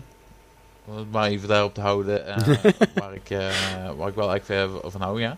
Het is eigenlijk begonnen, ik weet niet of mijn, mijn liefde ervoor begonnen is, maar ik weet nog heel, ehm, heel vroeger toen, ehm, toen een kleine knaap was, was mijn vader eh, samen met een vriend van hem op eh, onze 486 PC. eh, Precies toen je Alone in the Dark ging zeggen. Want je hebt je, op je vaders PC had een 486. En daar speelde je dus Alone in the Dark. Of je, je vader speelde Alone in the Dark. Oké, ehm, eh, om daar terug op te komen. Nou ja, ik heb dat een, een half uurtje of zo meegekeken. En ik weet niet of het... ik vond die game echt super terrifying. Terwijl als je er nu naar kijkt, is het echt... De graphics zijn hartstikke verouderd. Het is echt heel erg primitief.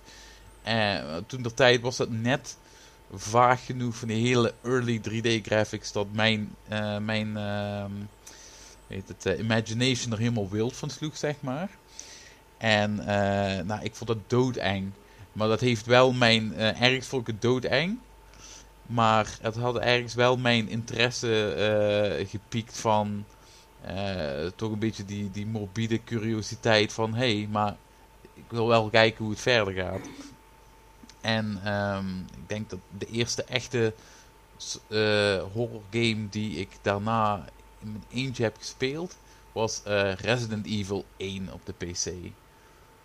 En eh, die heb ik van eh, begin tot einde, eh, echt heel jong van begin tot einde gespeeld. En ik, ik heb geen idee hoe, want ik kon nog niet zo goed Engels lezen en met al die puzzels en zo, maar volgens mij was het letterlijk gewoon trial and error. Eh, maar eh, ja, dat, ehm, daar, eh, survival horror voor mij was wel toen, of in ieder geval horror games met survival horror, met die was voor mij toen wel echt, een- ja, echt een lampje in mijn hoofd dat aanging. Dat dacht van ja, dit is echt vet. Ja, ja, ja. En toen ik Silent Hill op de PlayStation 1 eh, had gekocht van mijn eigen spaarcentjes, toen ter tijd, ja, toen, toen was het om, zeg maar. Dat, eh Ja. dat is absoluut liefde voor het genre, ook binnen videogames voornamelijk eh, ontstaan en Ja. voor altijd gebleven, ja. Nou, dit, dat is bij mij min of meer hetzelfde gegaan.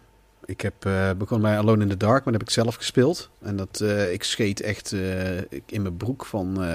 omdat die game begint... Je begint op dat zoldertje en je weet dat er als speler dat er, Ja. niks, dat, het, dat er al onheil op komst is. En het was ook vooral heel eng vanwege dat je de besturing totaal niet onder controle kreeg. Dus als dan eenmaal die weerwolf door die ruit springt, kan je helemaal geen reet doen. Want je hebt heel de besturing, snap je, voor geen meter. En eh, het, het- dat werkte allemaal heel erg op je zenuwen. En, en ik nog steeds, ik, ik heb hem een paar jaar terug nog een keer gespeeld. Nog steeds vind ik dat best wel goed gedaan aan die Alone in the Dark. Dat, ze, dat die zombie uit de vloer komt. Maar dat kan je dan weer kan je dan, eh, voorkomen door, die, door dat, eh, die kast ervoor te schuiven. Of een kist geloof ik, ik weet even niet meer. En, en, dat, en, en dan kon je in de boek... Ik, mijn Engels was inmiddels al een beetje oké. Dat ik wel elementen eruit kon begrijpen. Dat je dan leest in dat boek dat dat huis cursed is. En dat er allemaal dingen niet goed zijn. En dat vond ik allemaal in mijn fantasie en zo sloeg echt op hol. Maar ik had toen al een soort fetish voor ehm, griezelen en zo. Want ik heb ik al een keer eerder verteld in de podcast. Ik, had, ik was als kleuter doodsbang voor Bommel en de Zwelbast. Dat begin. Ook de angst voor het onbekende vooral ook. ehm, wat ze dan doen. Ja, die hebben we zondag nog gekeken. Want dan heb je sna- s'nachts, wanneer het stormt bij dat kasteel, gaat hij dan dat hoor, hoor, de, vle- de, de zwelbast komt en zo. Gaat hij dat stuk voorlezen, terwijl die eh, Bommel zelf, terwijl Joost helemaal bang wordt. En, eh, en, en, het, en dan zie je die schaduw over dat kasteel heen. Nou, echt, ik scheet in mijn broek. Vooral omdat je juist het niet ziet. En, en, en dan ging ik achter de bank zitten. En toch ging ik het elke fucking week ging ik dat weer opnieuw proberen te kijken. En sommige mensen hebben van waarom doe je dat jezelf aan? Ja, ik weet niet. Ik vind dat. Ik, ik hou van de uitdaging. Of toch ergens vind ik het, wil ik het overwinnen of zo. Als een soort knorretje. Die ook altijd zijn angst moet overwinnen. En eh, ik, ja, ik, ik vind dat. Dat is toen al begonnen. Alone in the Dark ook. Ik bleef dat alsmaar spelen. Terwijl ik het echt gewoon. Het heel erg op mijn zenuwen werkte, dat spel. En, en, en daar heb ik nog steeds hele fijne herinneringen eigenlijk aan het. ik vind het hele fijne herinnering, terwijl het echt een terging was. En daarna ben ik eh, gelijk doorgegaan naar Silent Hill. Want ik vond Resident Evil voor, vond ik een Alone in the Dark clone en voor mietjes.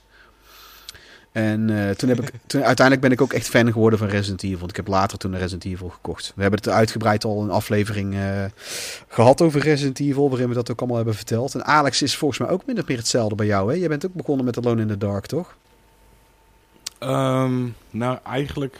eh, mijn vroegste herinnering gaat denk ik toch wel terug naar de Commodore 64.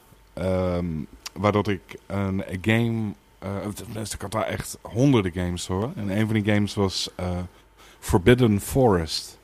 En daar speel jij een, een archer die midden in de nacht door het bos trekt. En ja, er komen allerlei enemies op je af. En wat ik vooral eng vond aan die game was de muziek.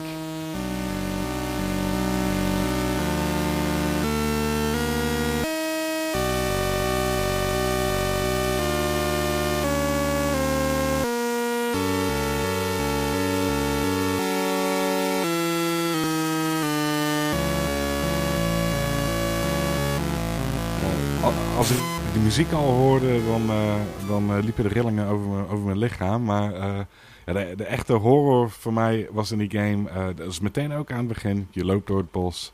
Je wordt aangevallen door een spin. Het ziet er ook heel bloederig uit voor die tijd. En, en de geluidseffecten die je hoort en, en, en de muziek. Die combinatie daarvan, ja, dat was voor mij absolute horror. Maar, maar toch kwam ik er steeds bij terug. Overigens nooit uitgespeeld die game. Later nog eens eh, op YouTube opgezocht wat er eigenlijk voor de rest nog allemaal gebeurt. Er schijnen nog eh, grote bijen te komen en, en draken. Maar eh, ja, die heb ik dus nooit gezien als kleine jongen. Ehm, dat, dat, dat was een beetje de eerste game waar- waarvan ik ja, echt, eh, ehm, echt bang was. Oké. En het- ik, ik had ook een, een, game op de Commodore 64 eh, gebaseerd op de film Platoon. Wat in, in basis helemaal geen horror game is. Het was een eh, side-scrolling action game. En eh, eh, wat ik daar eng aan vond is, was eh, dat de enemies, de, de Vietcong, die popten in één keer vanuit de niets op uit de grond. Vanuit, eh, vanuit een eh, schuilplaats. En die, die schoten jou dan neer. Of er was in één keer een valkuil waar je in viel. En dan was het ook in één keer voorbij. En eh, ik, weet, ik was er heel erg bang van. Oké, grappig. Ja, later eh, eh, in, de, in het DOS-tijdperk inderdaad. eh, Alone in the Dark. Pre- precies wat- jullie net zeiden. het, het ziet er, als je nu terugkijkt, het, het ziet er inderdaad heel erg silly uit. Maar destijds, jouw eh, ehm, ja, imagination, die vult zoveel in. Ehm, eh, ik weet niet, ik had ook inderdaad een, een soort fascinatie met die game. Ik, ik heb hem zelf eh, volgens mij ook nooit uitgespeeld. Maar ik vond dat het wel... eh, Ik vond het klote om te spelen, maar toch kwam ik steeds weer terug. Want ik vond het niet leuk om gespookt te worden. Maar toch kwam Nee. ik steeds terug. Nou, wa- wat, wat die game ook vooral doet, is, ehm, is dat eh, het is een gigantische mix van verschillende vijanden en puzzels en elementen die iedere keer weer op je afkomen. Want zo kan ik me ook herinneren dat je op een gegeven moment die keuken, kom je in de keuken en dan kan je daar zo'n, ehm, eh, vind je daar een gang. Ja, zo'n zo'n zo'n casket. Zo'n grote ton kan je aan de kant doen. Of die kan je open doen. Een van de twee. En dan kan je daar in ieder geval doorheen. Dan kom je in een tunnel. En het eerste wat je, als je die tunnel doorkomt, je ziet nog niks, maar je hoort. Zo'n bizar akelig geluid.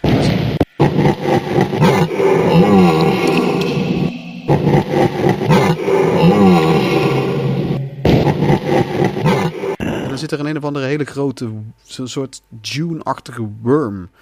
Die gigantisch groot is, kruipt daar rond. En Dat ding ziet er nou natuurlijk niet meer uit met die 3D-graphics van toen. Maar dat was. eh, Het feit dat je dan niks ziet. En je hoort alleen maar dat gigantisch bizarre geluid. Terwijl je bent al honderd keer dood gegaan aan allerlei dingen daarvoor. Ja, ik, ik durfde niet verder. Ik ben weer terug eruit gegaan. En, en dat soort dingen, weet je wel. Die, en dan had je die, die balzaal met die dansende spoken en zo. Dan gebeurde er weer iets anders. De hele tijd gebeurde er allemaal dat, schil, dat schilderij wat, die, wat, die, wat ineens eh, die bijlen naar je gaat gooien met die indiaan. En zo bleef dat. En, en dan die, die bibliotheek met die, met die, eh, die vijand. Dat hadden ze ook gedacht van ja, wat, wat voor vijand moet een bibliotheek hebben? Ja, een vijand die muis en muis stil blijft. Want in de bibliotheek moet je stil zijn. Dus heb je gewoon zo'n soort stille geest die helemaal niks, helemaal geen geluid maakt, die de hele tijd achter je aankomt.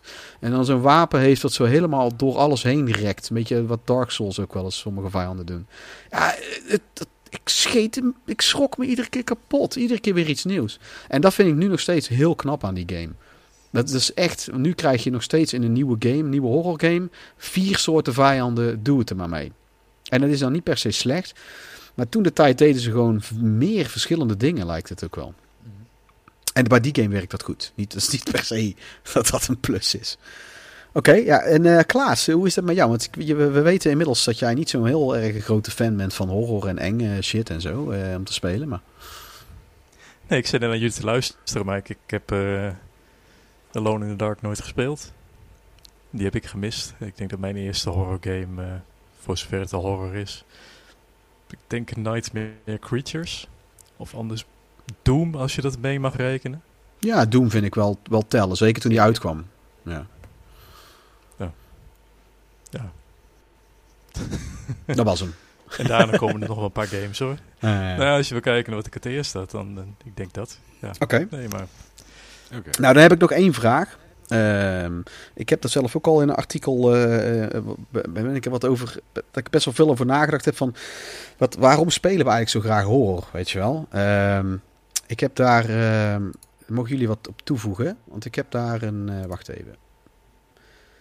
Want ik vond dat niet, ik vond dat niet makkelijk om daar. eh, ja, ik, ik heb er best wel, eh, best wel wat over gedaan. Want je kan wat logische antwoorden geven. Ja, we houden nou eenmaal van griezelen. Dat zit in ons, eh, in ons genetische bla bla bla. Weet je wel? Dus, maar ik had uiteindelijk wel een mooie samenvatting, denk ik zelf. Maar jullie mogen het gelukkig helemaal kapot schieten. Zoals jullie dat zo eerlijk altijd kunnen doen. Want wat, wat ook, dat vroeg toen ook die Benjamin van eh, die Game Rooms af. Van waarom in hemelsnaam speel je dat soort spellen? En ehm, ja, ik heb, het, eh, ik heb hier de laatste pas, van de laatste van dat ik had geschreven. Ehm, bij sommige hele enge games voelt het soms ook als echt zwaar werk of een vorm van dwangarbeid. Ik speelde wel door, voornamelijk omdat ik wel de game wilde uitspelen. Spelen, ook al had ik eigenlijk er geen zin meer in. Maar was ik uiteindelijk eenmaal bezig, was het toch stiekem genieten. Ik moest mezelf steeds eerst over die drempel heen zetten. En zo ging dat ook vaak voordat ik naar de vechtsport ging. In eerste instantie had ik geen zin in die superzware fysieke workout en al die klappen en trappen ontvangen. Maar eenmaal bezig vond ik het toch gaaf om te doen. Een uitdaging overwinnen is ook iets waardevols om te doen. En survival horror games, of survival tussen haakjes, horror games doen dat ook zeker weten. Dat is een wezenlijk onderdeel waarom enge games interessant zijn. Ja, dat was voor mezelf een soort ana- zelfanalyse. Eh, ik merk ook dat ik soms hele periodes het echt niet kan opbrengen om Silent Hill aan te slingeren. Dat ik, dat ik het, omdat het toch een bepaalde energielevel vergt. Eh, en als ik heel moe ben, dan trek ik zo'n game ook niet echt. Eh, moet ik heel eerlijk zeggen. En hoe denken jullie daarover? Nick. Ik ben het wel eens met, jou, eh, met jouw visie. Ja. Ik ook. Ik denk dat het ook voornamelijk eh waarom mensen graag ehm, griezelen, niet alleen in games, maar ook in films, Ik denk dat het ook een, eh, buiten dat we het inderdaad graag, eh, dat we dat leuk vinden, dat het ook een soort van eh, heel, heel lastig woord gebruik, een beetje een soort van catharsis is. Ja. Een, een, beetje, een beetje dat, dat gevoel van, maar gelukkig ben ik het niet. Ja. Dat eh, eh, heel vaak als je kijkt naar, eh, naar folklore gaven wij, weet het, dat komt allemaal uit dingen die we niet deden begrijpen. En we vulden het in zodat, de, het- het, dat, zodat het in ons, in ons hoofd zeg maar een beetje, een beetje makkelijker was te begrijpen.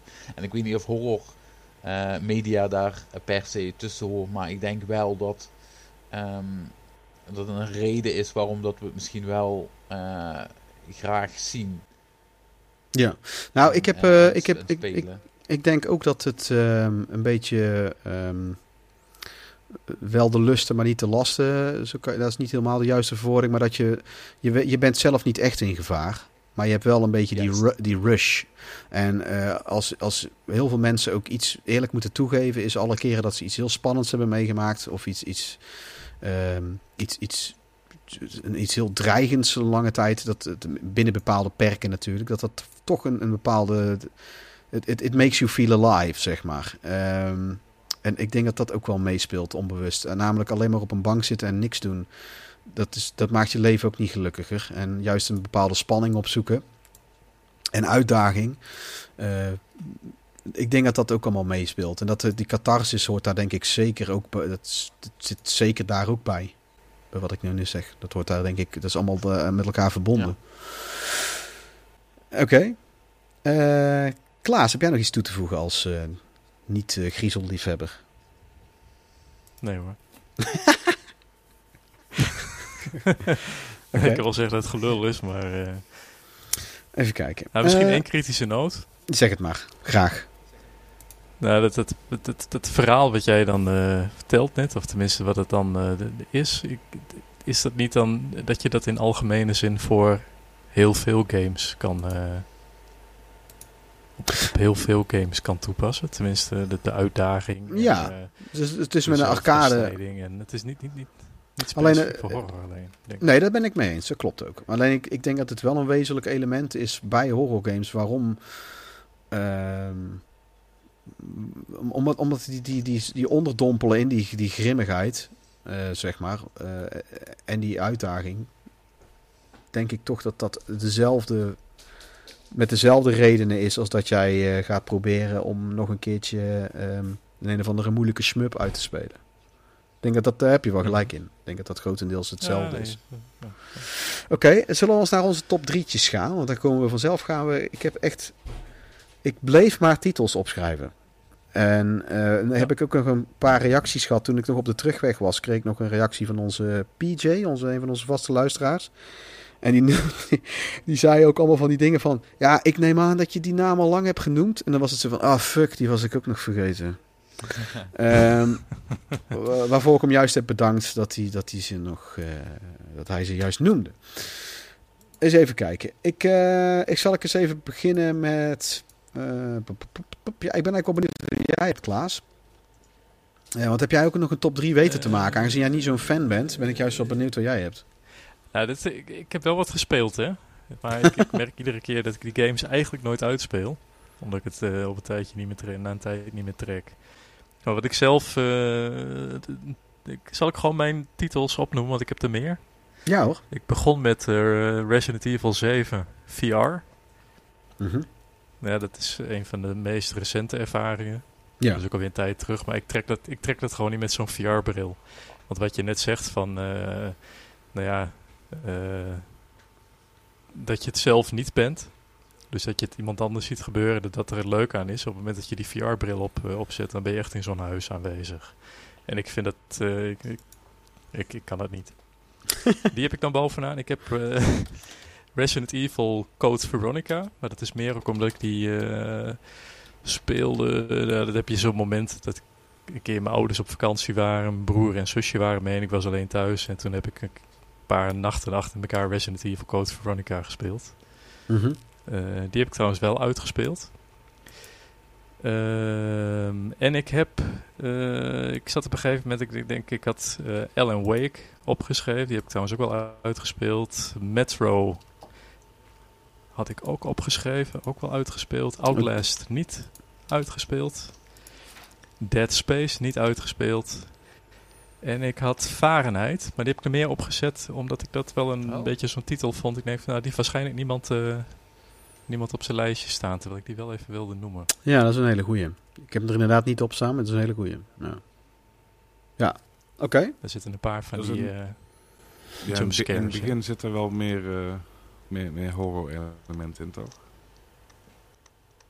Ja, het wordt, naar mijn, ik heb hem tot de helft gespeeld, Ja. geloof ik. En het werd, het werd juist steeds eh, trippier. psychologische, eh, Ja. Ja.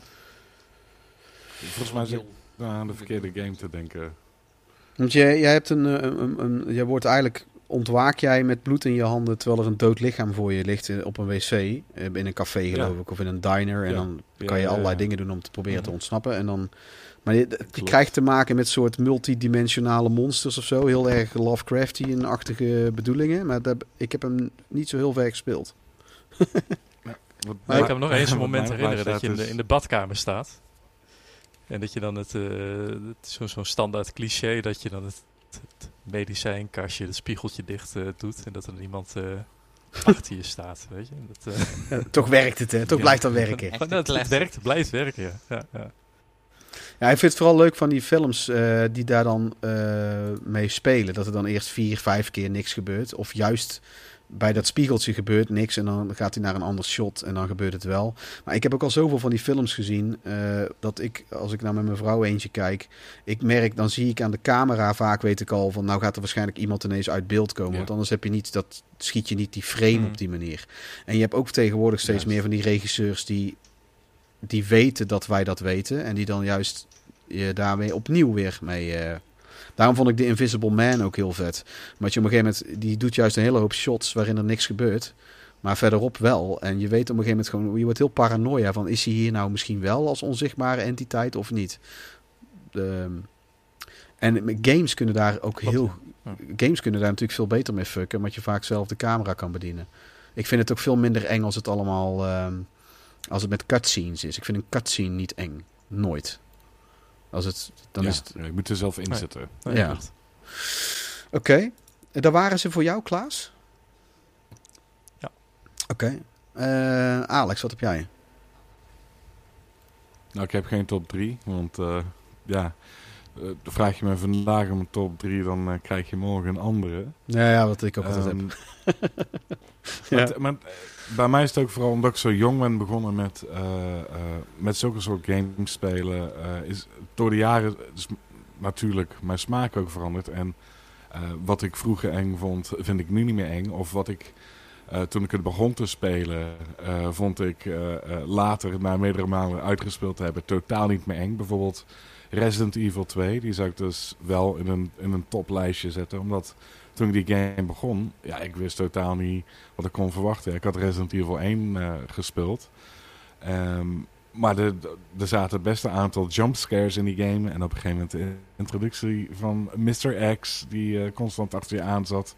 Ja, dat was voor mij eh, destijds wel heel erg spooky. Maar, maar, maar later, eh, ehm, als je die game dus vaker hebt uitgespeeld, dan, dan weet je precies wat er gaat gebeuren. En dan eh, ja, dat is toch eigenlijk niet meer zo eng.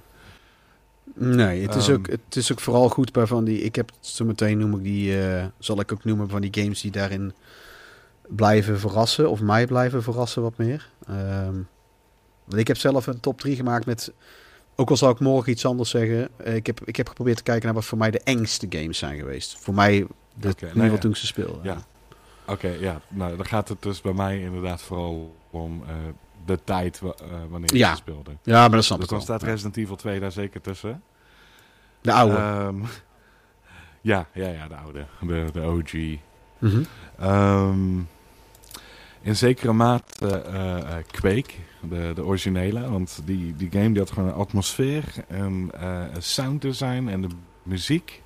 Eh, het was gewoon een shooter, eh, een hele goede shooter. Maar eh, er was iets heel erg eh, un- unnerving eh, Mhm. Aan dat spel ook. De, de baas natuurlijk. Een, een Lovecraftian eh, geïnspireerd Ja, eh, ja. creature. Eh, dus dat vond ik destijds vond ik dat wel eng. Maar zoals ik al eerder zei, hoe vaak je het speelt, hoe, minder eng het wordt. Ehm, waar ik daar niet mee heb, zijn wat meer recentere games. Bijvoorbeeld een Alien Isolation. Die, ik, ik moet toegeven, die heb ik nog niet uitgespeeld. Maar ik ben wel meerdere malen eh, opnieuw aan begonnen. Omdat ik dan op een punt zat waarvan ik dacht van... Oh shit, ik weet heel het verhaal niet meer. Weet je wat, ik begin gewoon opnieuw. En ehm, eh, net als eh, in, in Quake, de atmosfeer, eh, de, de sound design, het muziek... de muziek ja, draagt echt bij aan, aan, aan de angst die ik voel als ik het speel. En ehm, ook nog een recente game. Dat is eh, Hellblade Senua's Sacrifice. Ik weet niet of jullie die gespeeld hebben. Ja, ik ben ik, op de helft of zo. Ja. Wel gaaf. Ja. ja. Ik, ik zou die niet per se definiëren als een horror game. Maar voor mij is, die, is het absoluut een horror game. Ehm, het, het is niet zo wat, wat, wat je eerder zei, dat, jij, eh, dat je machteloos bent en, eh, en, en dat je daarom juist eh, niks kunt doen. Je bent wel degelijk eh, capabel om, om terug te vechten, maar de manier waarop er eh, met je hoofd en vooral eh, ja, audiovisueel gefukt wordt met je in die game is gewoon heel erg naar. En eh, het, het blijft echt hangen bij me. Als ik Mhm. die game heb uitgezet, dan voel ik me nog steeds eh, oncomfortabel. Ja, dat- ik vind dat ook ik vind dat knap gedaan. Dat is ook, dat is ook heel hun insteek Ja. geweest. Ehm, dat psychologische. wat, ja, nee, ja, helemaal mee eens. Ja, en dan ook eh, het level design, ook van die ehm, heel droomachtig, eh, maar, maar, maar toch eng omdat het er zo onbekend uitziet. Eh, bijna alien, eh, als het ware. Ehm, Ja. ja, dat, dat spoekt mij vandaag de dag. Oké, vet. Ja, goede keuzes wat dat betreft hoor. Waren dat zo voor jou, Alex, zo nu op dit moment? Ehm, nou ja, zover een, een, een soort van toplijstje gaat wel. Ja. Eh, Ja, dat is goed. Ik heb, ik heb nog een hele hoop eh, honorable mentions. Ja, daar komen we zo aan toe. Ik heb eh, ook behoorlijk wat honorable mentions. Nick, wat heb jij eh, voor... eh, heb jij ook een lijstje weten te maken? Is dat iets, ben je eraan Ja, uitgekomen? eh, zeker, het was heel lastig. Maar ik ben eh, op drie titels gekomen. Het is niet allemaal in, eh, eh, in het straatje wat voor mij de engste games waren, denk ik. Maar gewoon over het algemeen games waarbij ik blijf terugkomen. Ja, gewoon favorieten eh, eigenlijk, zeg maar. eh. Favorieten, ja. En heb ik ook een aantal honorable mentions, maar daar komen we dan dadelijk op. Ehm, ik zal beginnen met een echte survival horror. En dat is eh, Silent Hill 2. Een, eh, ja, toch wel een klassieker onder de, onder de survival horror games. In mijn mening nam, de, nam Silent Hill 2 alle coole dingen wat eh, de originele Silent Hill introduceerde. En ehm, ja, ging daar echt helemaal wild mee. En vooral het verhaal is mij altijd eh, bijgebleven. Niet het meest unieke verhaal ter wereld, maar toch geeft het Ja, de game. Ik vind Eh. de, de executie ervan vind ik wel, vind ik wel ik, ik- briljant. En vrijwel ongeëvenaard. Ja, het is, de hele game heeft zo'n ontzettend beklemmende depressieve sfeer ook. Eh, waarvan je al eer- je had eerder ook al gezegd van je moet eigenlijk echt in een soort van mindset zijn om die game te spelen.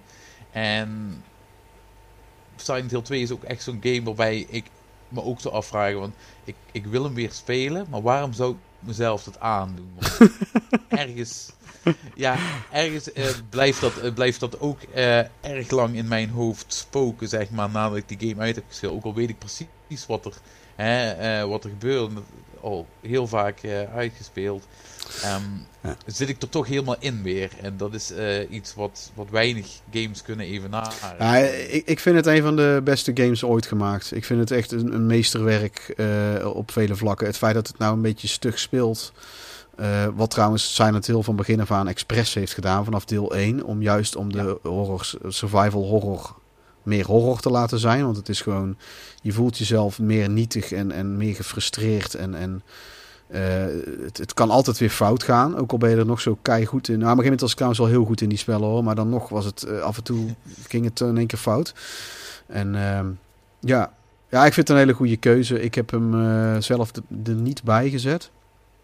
Hoewel ik het een, een, een, voor mij, omdat hij niet voor mij heel eng is. Hier gaan wij het nog een andere keer over hebben, Nick. Wanneer wij het alleen een keer een hele episode over Silent Hill 2 hebben. Wat heb je verder nog? Ehm, ik heb als tweede eh, minder een, een echt enge horror game, zeg maar. Ik heb Vampire the Masquerade Bloodlines. Nou ja, dat is wel een toffe. En een eh, PC roleplaying game. Wat ik vet vind aan Vampire, buiten dan dat, er, eh, dat het echt een horrortroop is van je speelt een vampier. Je bent letterlijk eh, een, een creatuur van de nacht, zeg maar.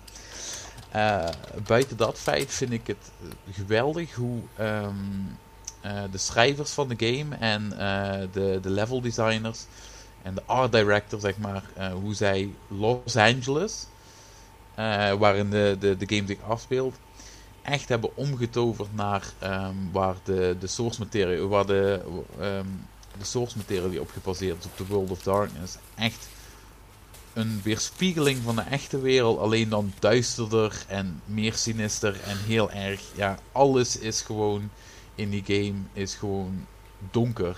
En overal eh, zitten lagen onder, zeg maar. Ieder personage waar je mee praat lijkt normaal op, eh, op het eerste ogenblik.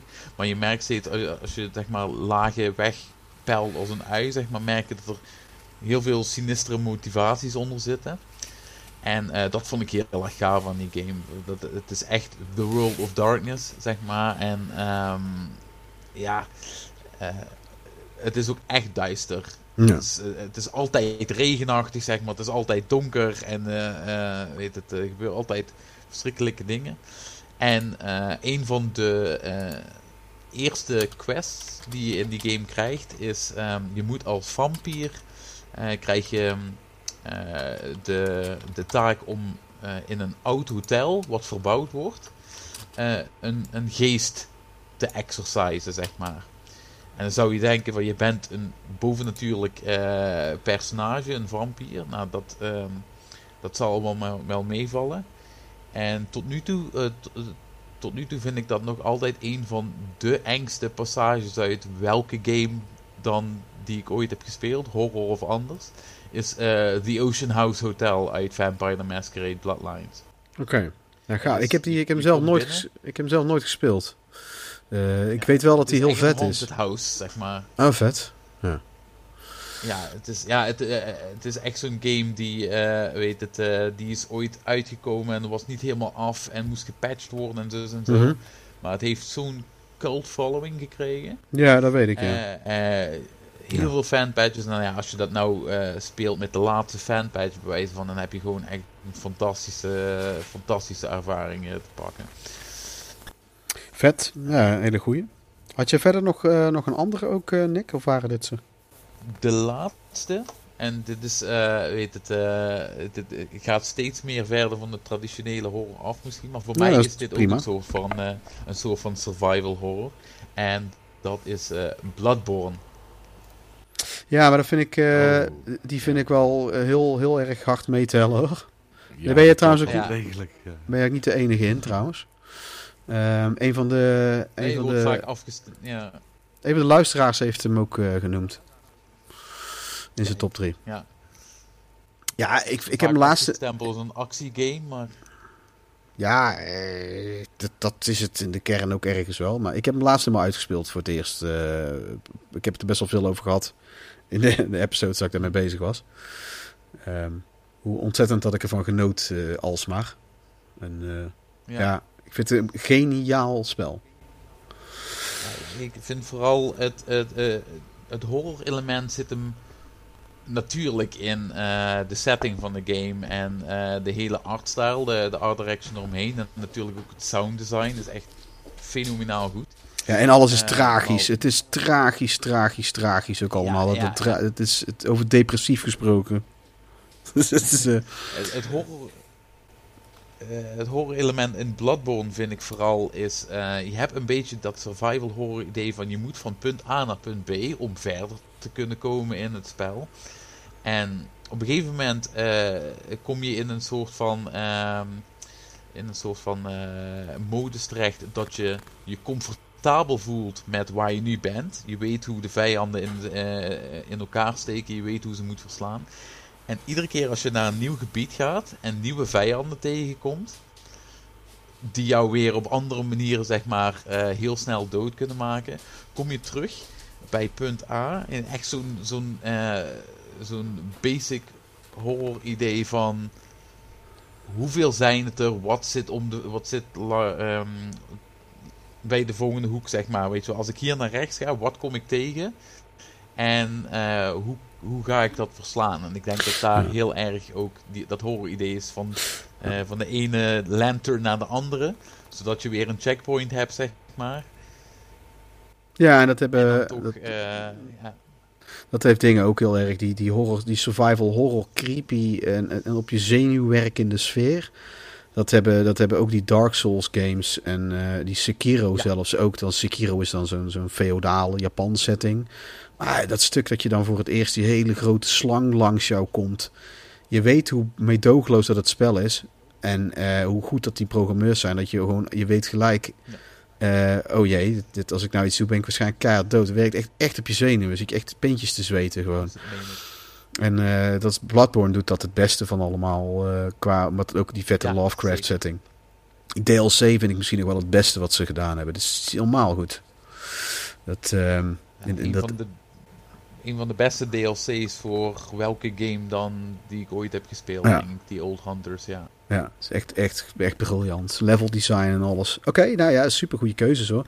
Ik eh, zal eens eh, naar die van mij gaan. En dan gaan we eens beginnen met eh, wat honorable mentions droppen. En dan ga ik eventjes van de lezers, van de luisteraars bedoel ik. Wat ze hebben ingezonden. En dan, dan ronden we het af zo. Ik heb zelf, eh, nou ja, ik, zoals ik altijd zeg, ik ben zelf eigenlijk helemaal niet goed in dit soort dingen. Maar ik heb echt gekeken naar wat volgens mij wel echt de drie waren waarvan ik het meest mezelf heel erg oncomfortabel voel. Eigenlijk ook nu nog steeds als ik die speel. Silent Hill 1 en 2 heb ik, die heb ik heel vaak gespeeld. Dat zal ik nog steeds heel erg oncomfortabel vinden. Ehm, maar eh, die heb ik allemaal vier, vijf keer uitgespeeld. Ik heb wel iets dikkere huid voor gekregen inmiddels. Eh, ik wil één honorable mention noemen voordat ik mijn top 3 noem. eh, voordat ik de rest honorable mention ga noemen. Ik had ook Bloodborne had ik erbij staan. En, maar ik vond die Resident Evil 2 remake... Dat met die, die, die, die weet je, die X die achter je aankomt. Ja?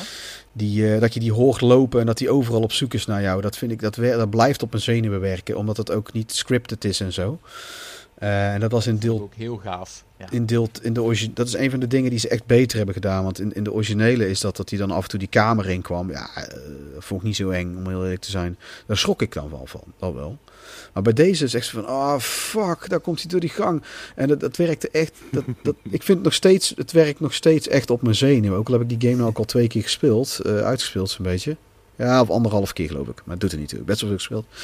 Nou, ik, die vond ik echt een hele goede honorable mention. En eh, ik heb... ehm, ik heb als derde heb ik Project Zero. Ik heb niet specifiek één deel. Eh, maar het feit dat je, dan, dat je dan allemaal van dat rare gekerm en gejammer hoort. En dan moet je die camera obscura erbij pakken snel. En dan zie je, dan is hij meestal al, staat hij al in je neusgat, die, eh, die, eh, die geest. En dan is het zo, ah, dan moet je snel foto's maken. En het werkt heel goed op je zenuwen. En dat eh, is wel zo als ik het een aantal, hoe langer ik het speel en hoe vaker ik speel, dat dat minder is. Maar ik, ik, ik- vind dat nog steeds, ook bij deel 1, eh, vind ik dat heel sterk werken bij die serie. Het, het, het, werkt, het is echt, het werkt echt op mijn zenuwen. En dat doet, dat doen niet veel spellen. Heb ik als tweede heb ik Alien Isolation. Ik heb die drie, vier keer helemaal uitgespeeld. Sowieso drie keer helemaal. Ook op de allerhoogste moeilijkheidsgraad. Wat ik trouwens niet helemaal aanraad om te doen. Eh, want dan ga je, ja, dan gaan bepaalde game mechanics. Wat, wat, wat de meeste games hebben. Ik bedoel het niet dat het dan eh, te moeilijk is. Maar je gaat dan. eh, dat hebben, The Last of Us heeft dat bijvoorbeeld ook. Die heb ik ook op de allerhoogste moeilijkheidsgraad uitgespeeld. Bepaalde game mechanics gaan dan juist opvallen. De, bij The Last of Us vielen me dan ineens spawn points op en zo. En ehm, dat, heeft, dat heeft dan Alien Isolation ook een beetje. Bepaalde dingen. Het doorbreekt de, de realistische feel juist. Omdat het te overdreven is. En, uh, Meta-strategizen misschien dan. Ja, het, het zijn, de, de stats zijn gewoon verder opgevoerd allemaal. Jij bent gewoon zelf nog slapper. Je, krijgt, je vindt echt helemaal geen reet. Terwijl iedereen met volle bepakking en bewapen, bewapening rondloopt. En kunnen eindeloos veel kogels op je schieten. En dan leg je die persoon om en dan heeft hij niks. Ja, me reet. Ja. Ik vind daar, dan moet je ook dan moet je het anders doen. Zoals Halo dat doet. Door ze heel veel slimmer en sluwer te maken bijvoorbeeld. Goed, dus niet toe. Alien Isolation is afgezien van dat kleine minpuntje. Echt een heel klein minpuntje vind ik het een briljant, briljant, nagenoeg perfect spel. Um, het blijft op mijn zenuwen werken. En ook die, die Working Joes, die sommigen ook kritiek op hebben, wat ik echt niet snap. Er zit juist ook wat humor bij die Working Joes in. Maar juist, het is zo goed gedaan hoe die AI werkt. Uh, ook als dan op een gegeven moment die alien komt aanvallen, dat hun dan ook zo van... Oeh, what are you doing here? Of zo, dat hun, hun, hun interacten ook met die alien. Iets wat nog steeds heel veel games niet doen. Zoals bij Cyberpunk uh, laatst, dat, dat een, een gangster en een politieagent met z'n tweeën tegen mij gingen vechten. Wat compleet onrealistisch Oh, is. ja. En, en, en, heel veel, en dat is niet alleen Cyberpunk, maar heel veel games doen dat soort dingen nog steeds niet goed. Alien Isolation zit vol met zulke goede. En dat maakt hem ook zo extra creepy, omdat die AI zo goed is. Je hebt één punt in de game, want ik heb hem drie keer dus helemaal uitgespeeld en daarna nog een keer tot de helft. Eén punt in de game waarbij ik heel duidelijk merk dat het geprogrammeerd is dat hij altijd daar in de buurt blijft zitten op een bepaalde manier. Er is wel een verklaring voor, want er is iets in de buurt dat veel lawaai maakt en daar blijft hij op afkomen. Maar daar vind ik het heel erg, daar valt het mij op dat het echt geprogrammeerd is zo. Heel de rest van de game is dat eigenlijk niet. Is het gewoon, eh, gedraagt hij zich echt als zo'n alien. En dan heb je op het einde ook nog, ik weet niet of je hem uitgespeeld hebt, maar er zit ook nog best wel een paar hele vette plot twists richting het eind. Heb je hem uitgespeeld? Ik wel, ja. Oké, nou dan ga ik niks zeggen. Ah, dat is, ah, dat is zo vet. Het is zo vet, het is zo goed. En het blijft, het blijft gewoon echt super tens. Super tens. En eh, heel vet. Vooral als dan ook die working shows achter je aan zitten en je niks werkt meer. En je moet allemaal gaan wegrennen en zo. En dan komt ondertussen ook nog die alien. Ja, vet. Ja. Die weer gaan spelen nu. Eh, dan heb ik op nummer 1. Op nummer 1 heb ik Forbidden Siren. Die. ehm, dat, is, dat blijf ik geniaal vinden. Ook die. Het, het enige wat het misschien wat minder geniaal maakt, is dat het eh missie-based is. Dus dat je echt kleine gebiedjes hebt. En wat natuurlijk heel erg gamey is. In plaats van een open wereld voelt realistischer aan. Dat, dat, dat, alles draagt bij aan, aan zijn inleving. En dat vind ik allemaal onderdeel van horror. Weet je wel, je moet, je moet je erin kunnen inleven. Je moet erin mee kunnen gaan en die suspense of disbelief hebben en zo. Daar moet je in meegezogen worden. En als het, als het bijvoorbeeld ook de Fear 3, Fear 1 en 2 zijn heel eng, vind ik. Eh, op de juiste manier. Niet, niet super eng. Maar Fear 3 werkt heel duidelijk met achievements en met, met high scores en zo. En met bepaalde eh, targets halen. Daardoor is heel die game niet meer eng. Het is gewoon totaal niet meer eng. Want het, ineens voelt het als een game in plaats van dat jij iemand bent Ja. in die shit situatie. En terwijl verder hebben ze alles goed gedaan aan die game. Alleen ze hebben gewoon één zo'n core element niet goed gedaan. En Forbidden Siren weet, ondanks dat het duidelijk level, level gebiedjes zijn, weet hij gewoon het zo eng te maken. Je hebt één level waarbij je in het ziekenhuis zit. En dan zit zo'n shinobi, eh, of een eh, shibito bedoel ik. is niet shinobi.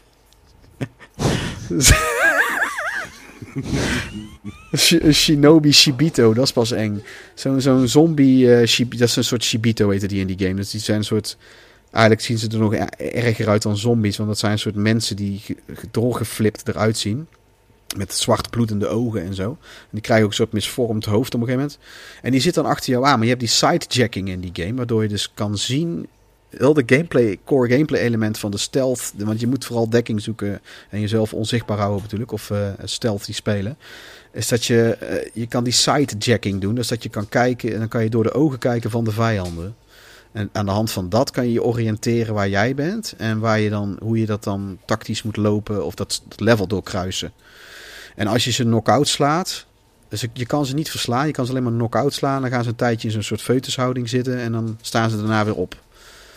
En wil je het kunnen uitspelen fatsoenlijk en alles halen, moet je ook precies de timing op een gegeven moment weten. Hoe lang dat ze dat doen. En, en je hebt één zo'n level dus in een ziekenhuis. Er zit zo'n Shibito specifiek achter jou aan. Want jij hebt haar ooit vermoord of zoiets.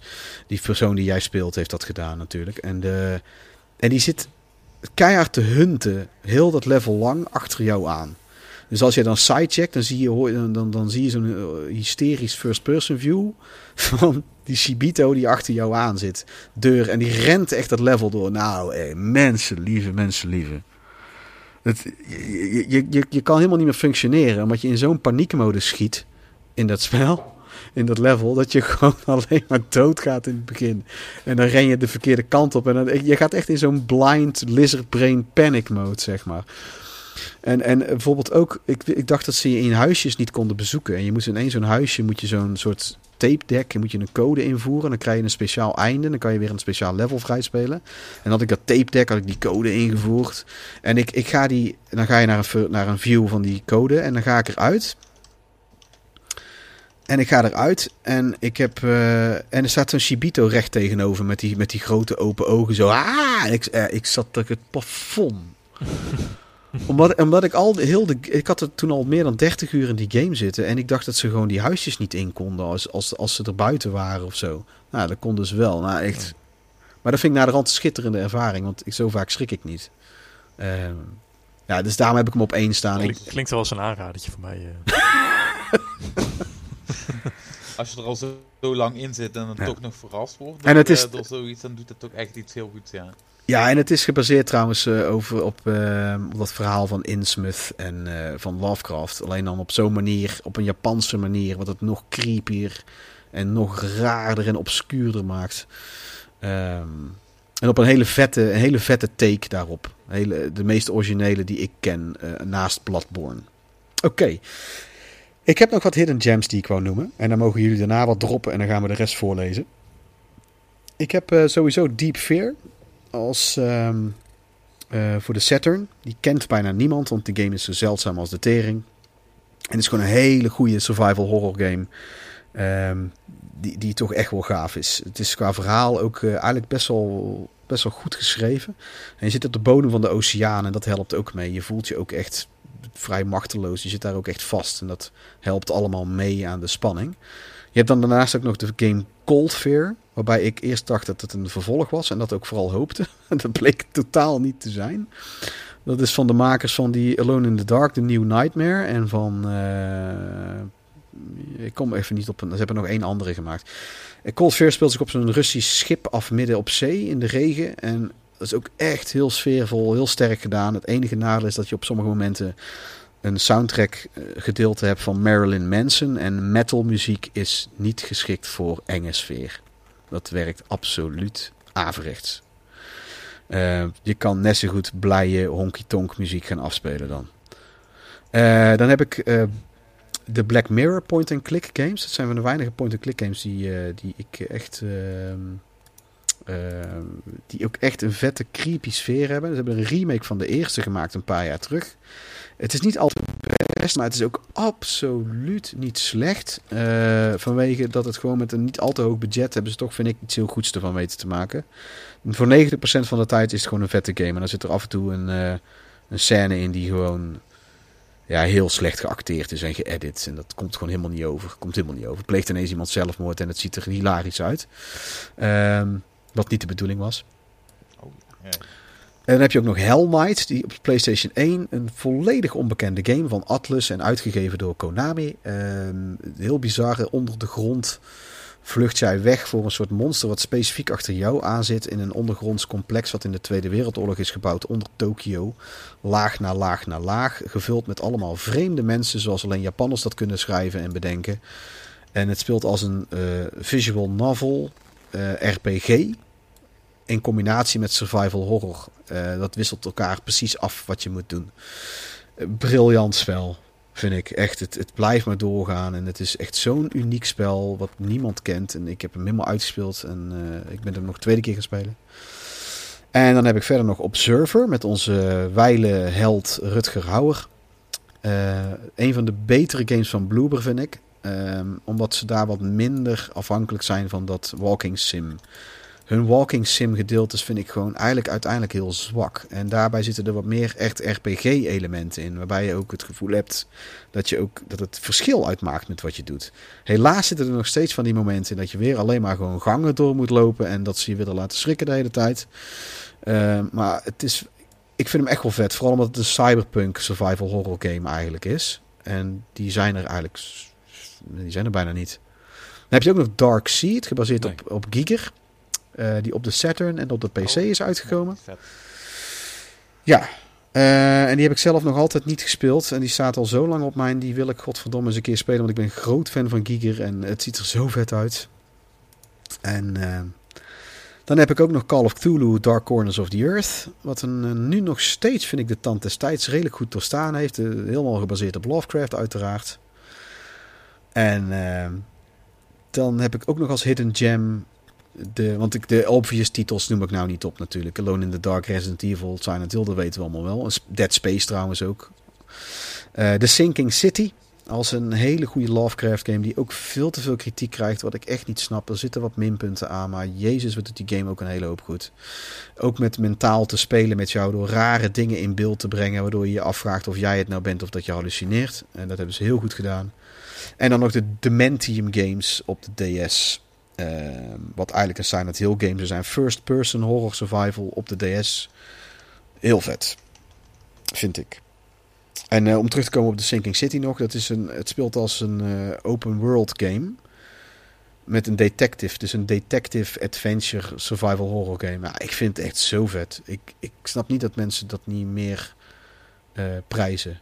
En als allerlaatste heb ik Fate to Silence. Waar ik het al heel vaak over heb gehad op mijn Instagram en op mijn website.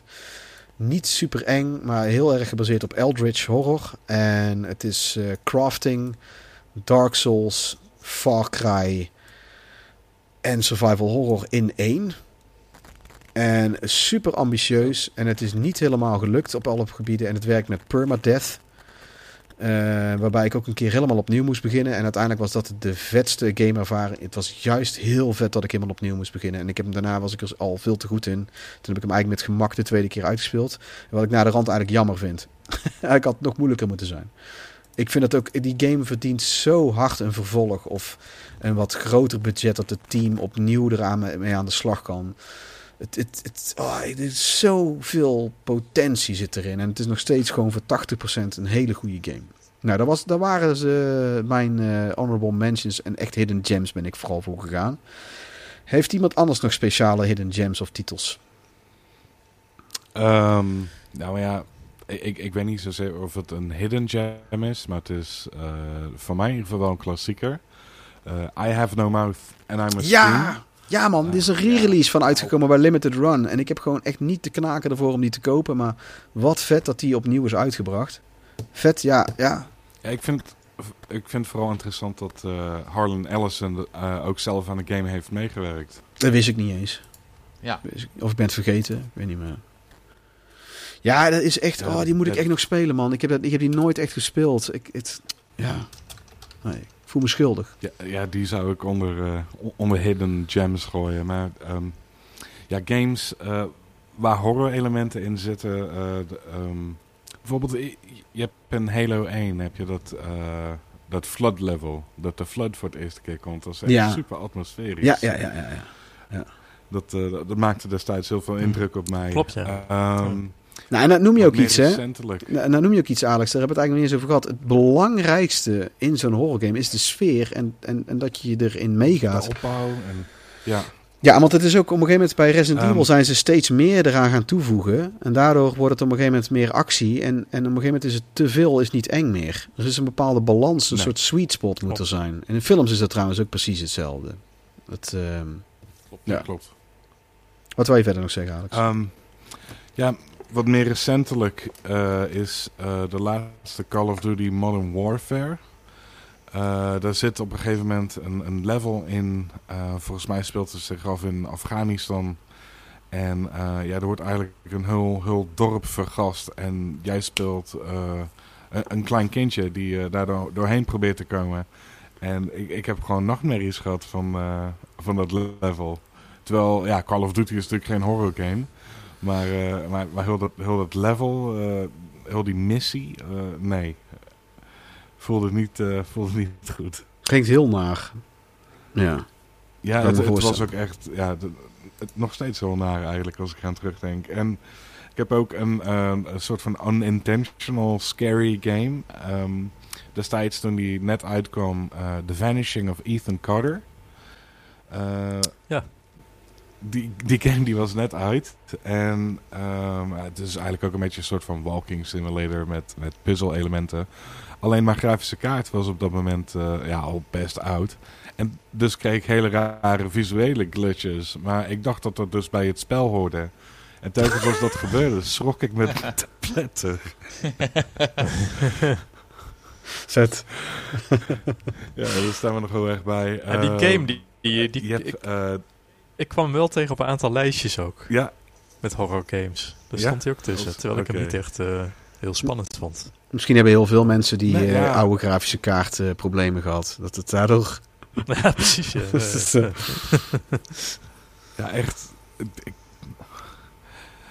ja, ik schrok met de pleuris. Ehm, vroeger, ook helemaal geen horror game, maar vroeger vond ik Mist vond ik echt super eng. Want je bent helemaal in je eentje op dat eiland. En de enige mensen die met je communiceren, die, eh, ja, die leven in een boek. Eh, dat vond ik als kind heel erg eng om een of andere reden. Heb ik laatst heb ik eh, de, de 3D remake gespeeld. Ja, toen had ik dat gevoel natuurlijk helemaal niet. Toen had ik echt zoiets van, waarom was ik hier vroeger bang voor? maar ja, toch, toch liet het een indruk achter. Hetzelfde, net als Max Payne, deel 1, daar heb je op een gegeven moment een scène in. Eh, nou, het, het plot begint al, eh, al behoorlijk eh, gruwelijk. Eh, ja. de, de Ja. vrouw en, het- jonge kind van Max Payne, Mhm. die, eh, die zijn dood. En daar heeft onze, onze Max, die heeft daar natuurlijk ook problemen mee. En dan speel je bepaalde sequenties waarin je ja, in een soort nachtmerrie van hem zit. En dat vond ik destijds ook echt heel disturbing. Ja. Je hoort constant een baby huilen en Ja. je, voort, eh, je volgt een, een bloedspoor. En eh, ja, eh, zoiets had ik nog niet eerder eh, in, in een game gezien. Nou, het is ook wel de, de, de, art direction, zeker omdat, het een nieuw team is, is dat, dat is echt knap. Dat is echt knap gedaan eh, van Remedy.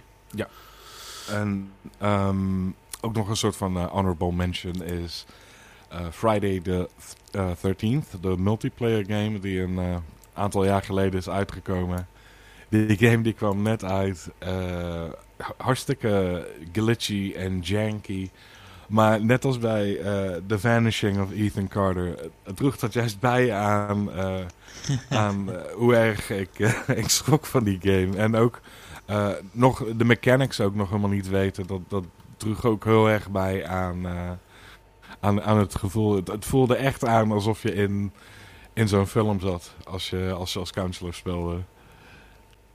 Ja. Gewoon compleet, eh, compleet machteloos. En eh, ja, chaos overal. En, eh, maar hoe meer je die game hebt gespeeld, hoe meer je de mechanics snapt, dan is er helemaal niets, niets engs meer. Nee, ja. Ja, dat, is, dat, dat, dat kan me voorstellen. Het wel erg fun, lijkt het mij. eh. Nick, heb jij nog eh, honorable mentions eh, of iets? Ja, ik heb een, een, een handjevol honorable mentions. Ten eerste heb ik Haunting Ground voor de PS2. Ja, dat is een goeie. is een beetje in dezelfde lijn als die, ehm die eh 3D Clock Tower. eh, Clock Tower Ja. games. En wat ik vet vind aan Haunting Ground is... ehm, een van de, de dingen wat het intro- introduceert is dat je een companion hebt in de vorm van een hond. En eh, dat voegt voor mij een beetje meer aan die horror toe van dat je niet alleen het gevoel hebt van je moet zelf overleven, maar ook meer van je hebt een soort van verantwoordelijkheidsgevoel naar, eh, naar jouw enige companion in dit verschrikkelijke Ja. scenario en dat is die hond. Ja, maar je hebt En, ook... eh, eh, dat vond ik heel erg goed. Ja, daar ben ik het mee eens, ja. Welke game dat ook precies hetzelfde heeft, is Rule of Rose. Een game die ook bijna niemand heeft gespeeld, omdat die zo zeldzaam is eh, als, eh, als ik weet niet wat. En die, eh, die ben je ook, heb je ook een- als companion een hond. En je moet ook een beetje zorgen voor die hond. En hij kan jou helpen met eten vinden. En eh, dat, dat zijn dus eh, health packs eigenlijk, zeg maar. En, ehm, dus, eh, en die game... Overleeft de hond het in die games? Ik, eh, ik, ik- Rule of Rose heb ik tot aan... Ik was op 99% of zo. En toen ben ik, ehm, heb ik mijn tijd niet gespeeld. En ik, nee, het eindigt heel slecht. Ik weet al dat het spel heel slecht eindigt en hartverscheurend is. Dus ik vermoed het niet, maar dat weet ik niet zeker. Het is echt... Het, het, het, Oké, het- het- die wereld is geleid door kinderen in, eh, in, in Rule of Rose. Wat trouwens ook heel naar... Het, het is heel mooi en heel naar tegelijk. En het is een briljant spel, behalve de gameplay. De, de fight mechanics zijn, zijn echt een 2 of zo. En de rest van het spel is een 8 of een 9 misschien zelfs. De muziek is met echte muzikanten gedaan. Eh, met, met een echte pianist en een echte cellist en een echte zangeres. Het is prachtig. En alles is keigoed gedaan. Dan hebben ze zo'n gameplay fighting mechanic die je echt door de play kan spoelen erin gedaan. Wat echt bijna heel die game breekt. Ik heb zelfs een action replay ervoor gekocht. Haunting Ground is denk ik wat minder cru. Heb jij die uitgespeeld, Nick? Eh, ja, ehm, je hebt meerdere eindes. En eh, ik ga ervan uit dat, eh, tenminste gedurende het spel, ehm, moet je, kun je ook ervoor kiezen om, ja, je kan de hond zeg maar gedeeltes van jouw items die je vindt, van jouw health item bijvoorbeeld ook geven, als ik me niet vergis, om hem zeg maar te vriend te houden. En eh, ik weet niet zeker, want het is niet het einde wat ik heb gehad, maar er is zeker zeker een einde waarom, waarin de hond zeg maar zich tegen jou keert volgens mij en dat dan allemaal eh, verschrikkelijke dingen nog gaan gebeuren. Maar ehm, Oké. Ja, ik heb hem. eh, God, ik. wat, ik heb hem. Nou, ik heb hem denk ik niet meer dan een uur gespeeld. Ik heb, me- hij was toen, eh, ik heb hem vrij goedkoop vond ik hem. En ik voelde al een beetje op mijn klompen aan van dit wordt waarschijnlijk zo een die, die straks heel duur wordt. Wat trouwens hier in Nederland nog heel erg meevalt. Maar in de rest van de wereld blijkbaar niet. In de rest van de wereld niet. Hij kost in heel veel landen nou eh 200, 300 euro. Dat soort, dat soort bedragen, Ja, 200 bizar, euro en zo. Ja, de Rule of Rose is nog... Nog voor 7 euro gekocht. Ja, ik ook zoiets. Ik, ik, eh, Rule of Rose is helemaal insane. Dat, is, dat, dat gaat helemaal... eh, dat is nog hoger zelfs. En dat, die heb ik voor 30 Die, eh, euro... Dark de- Mechanic.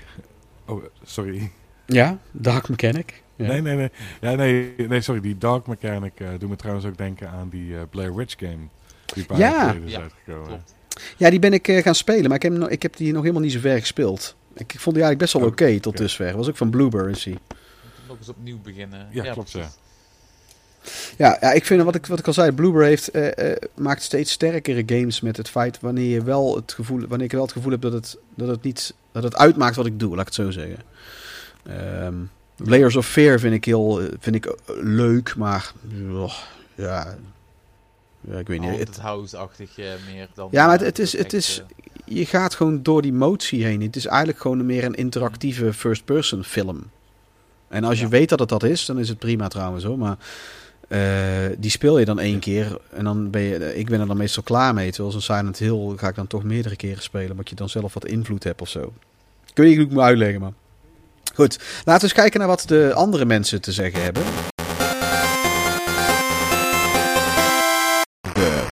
Ik heb wel een paar eh, leuke reacties. Eh, ik heb eh, PJ, die had geen tijd om tekst te sturen, dus die heeft allemaal audioberichten naar mij zitten sturen op Instagram. Die noemde... ja, ja, maar die is... Die, afspelen. het, het, hij, hij, is, hij is vader en hij heeft een heel jong kind, dus ik, eh, ik ben al blij dat hij eh, zo'n fanatieke luisteraar is. En ehm, die noemde onder andere Extermination op, eh, waar ook onze Sweri, onze held van Deadly Premonition, aan mee heeft gewerkt. Ehm, dat hij die wel tof vond. En Splatterhouse. En ah ja man, Splatterhouse is ook Ja, ja, vette. Want ik had ook nog een apart lijstje met eh, ehm, ja, horror games die, tenminste, die een horror theme hebben, maar die niet echt eh, scary zijn. En daar stond bijvoorbeeld een Splatterhouse tussen Castlevania, Ja. eh, Blood, die Ja, first-person zeker. shooter uit 1997. Ja, ja, ja. ja, ja. Zulke, eh, zulke Ja, titels. de- de- daar was ik ook mee begonnen. eh, maar dat, dat, dat, dat- volgend jaar is er weer Halloween. En eh, Ja? die... dat, dat al was? Weet je dat zeker? nou ja, niks is zeker. Dat, is- dat, is, dat is wel... eh. En eh, ja, goed. Hij had verder... ehm, God, wat noemde die? Dead Space noemde die ook. En, oh ja, Mortal Kombat noemde die ook. Van, ja, want ik weet niet of dat telt. Ja, nou, ik... ik er zit wel, ja, het is, er zitten wel heel veel horror elementen in sowieso. Zeker de level design, eh, de, de backgrounds en zo. eh, Ja, Eh, ja, Mortal. Kombat, Mortal Kombat 2 misschien nog het meest, naar mijn gevoel. Met, met, met die levende bomen en zo. En zeker die nieuwere Mortal Kombat games vind ik dat ook wel hebben. Dat in de crypt en zo. Dat is, dat is toch wel heel veel horror. Met, Mhm. met heel veel gore. Met jumpscares. En ju- ja, dat is waar ook. ja. Maar een jumpscare, een goede jumpscare, eh, die moet je verdienen in een film of in een game. Dan is hij ook echt sterk. Klopt. Maar van die films Ja. waarbij je eerst 30 keer de vriend hebt die binnenkomt en ze schrikken. En eh, de, kat, de kat die achter iets langs loopt. En eh, fuck die shit. Echt fuck die shit zo hard. Ik ben daar zo beu, die films die dat allemaal hebben. Je hebt de, Silent Hill Revelations heb je de Pop-Tart jumpscare. Ja, dat is ook Was, echt eh, zo'n matige... was De eerste keer dat ik die, ja, de eerste keer dat ik die keek, en dan- was het Fade to Black en dan krijg je keihard het geluid van een poptart die uit zijn brood rolt. Dat was eigenlijk dat punt. Dat ik hem voor de eerste keer dat, dat ik echt dacht, ik stond met mijn hand zeg maar, zeg maar eh, klaar om hem gewoon af, op de afstandsbediening gewoon op stop te zetten. Zo, ik ben er klaar mee, maar... Zo'n rare, rare film is dat. Met een aantal hele goede acteurs erin die ook heel goed gecast zijn. En verder hadden ze zoiets... Volgens mij zijn ze het script een paar keer kwijtgeraakt. En hebben ze op de wc in een, in een tablet even wat nieuws getypt of zo. Ik weet niet... Ja, Het is zo vreemd. Het is echt... Maar goed, laten we het daar niet over gaan hebben. De- ja, precies. Laten we het daar niet over gaan hebben. Ehm, eh, dus dat was wat PJ vooral allemaal noemde. Eh, ik zal vast zeker iets vergeten zijn, maar ik kan nou al die, die audioberichten niet eh, opnieuw afspelen. Ik had op Instagram heb ik nog gevraagd wat andere mensen hadden te melden over, ehm, eh, over dingen, zeg maar. Over wat hun favoriete horror games was, eh, is. En daar heeft on- onder andere onze Hugo, die dus die brief wat ik had gestuurd, die had gezegd... eh, Resident Evil 7 in VR. Die zei eh, intenser en enger dan dat wordt het niet. Dead Space. Dead Space, Silent Hill, Dead Space en Outlast zijn er genoemd. Eh, ja, goed. Ja. Ik vond trouwens met Outlast, hè, ik heb die eerste alleen gespeeld tot nu toe nog. Die andere wil ik nog wel graag spelen. Eh, die vond ik echt eng. Vind ik echt heel eng. En dan kom je op het einde kom je bij een oud opaatje die vertelt iets over de Tweede Wereldoorlog, bla bla bla. En dan krijg je een nieuw soort vijand. En dat is dan het, richting het einde, het laatste gedeelte van de game. En dat stuk vond ik totaal niet eng. Omdat ik. Omdat je, je weet dan precies. Die soort, zit een soort geestachtig iets achter je aan. Maar je weet precies wie het is en wat het veroorzaakt. En daardoor is het een soort klinische verklaring is ervoor. En daardoor is het helemaal niet eng meer. Er moet, er moet iets mysterieus ook aan zitten. En iets onverklaarbaars. Dat is precies wat David Lynch ook altijd op hamert met zijn verhalen. Van, even laatst in een interview ook nog. Van je moet juist, als je dingen helemaal gaat uitleggen en helemaal gaat verklaren, dan is het niet eng meer of niet mysterieus meer. Je moet juist een element hebben wat niet verklaarbaar is. En daar ben ik het zo 100% mee eens. Dus zelfs ook met, met, met, die, met die fucking Alien Covenant. Dat onze Ridley Scott nou helemaal gaat moet het verklaren. mysterie behouden. Helemaal, hij gaat nou helemaal verklaren waar precies die aliens vandaan komen. Nee, fuck die shit. Ik wil dat helemaal niet weten. Dan is het helemaal niet, dan is het helemaal niet zo eng meer. Het moet juist een, een raar wezen zijn waarvan je helemaal niet snapt waar het vandaan komt. Goed, dat heb ik eh, gezegd. Ze hebben bij Bottom... Beetje net als jij. Nou ja, dus ik vermoed dat jij dat in jouw verhalen ook doet, Nick. Je gaat niet alles tot in de treuren lopen verklaren, want dan is het helemaal niet eng meer. Dat hoop ik Nee, ja, altijd. deels, deels wel en deels niet. Ja, precies. je het in je hoofd natuurlijk ook wel gewoon een achtergrond eh, en eh, wat je ook wel een beetje wil delen. Nee, Soms ja. moet je gewoon van die dingen hebben waarbij je zelf, zelf ook gewoon in je hoofd denkt van... Wat is de logica hierachter of wat is nou... eh, maakt niks uit. Nou, en ik heb... ik, ik, is het raar? Is het cool? Is het eng? En ik vind dat Lovecraft dat ook heel goed doet. Omdat Lovecraft was niet de beste schrijver qua technisch gezien of zo.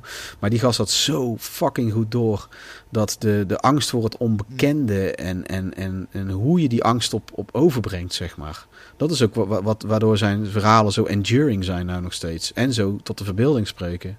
En omdat het ook lorebuilding is. basis. Ja. Even kijken. Ehm, ja, toch weten heel veel mensen dat niet, Nick. Valt mij op. Op, de, het geweldige Button Bashers forum eh, reageren iedere keer mensen. eh ik weet drie hele uitgebreide reacties. Echt super tof. Van eh Seven99. Dat is ook diegene met, met de Praatje podcast. Die die samen met een vriend van hem doet. Wat ook echt heel leuk is. Waar we het vooral over games hebben. Die heeft zijn top 3 heeft hij op drie, ja, ook een hele vette, die totaal niet eng is, nou, is Phantasmagoria. Ja, dus, die Oh is, ja, die is leuk. Oh ja. is- die is- ja, ja, ja. ja, ik, ik vind die FMV-dingen zo gaaf nou gewoon. En het is ook echt een heel leuk spel eh, om te spelen nog steeds. Ik heb hem Ja, een paar jaar dat- terug... Helemaal doorgespeeld. Ja, de Seventh Guest, ja. ja. En eh, de Eleventh Hour. Eleventh Hour was nog Die sterker. ja. Als tweede Dat heeft vond hij... ik ook wel eng vroeger hoor. Ja, ja, hij is eng hoor. Ja, ja, best wel sfeertje zit erin. eh.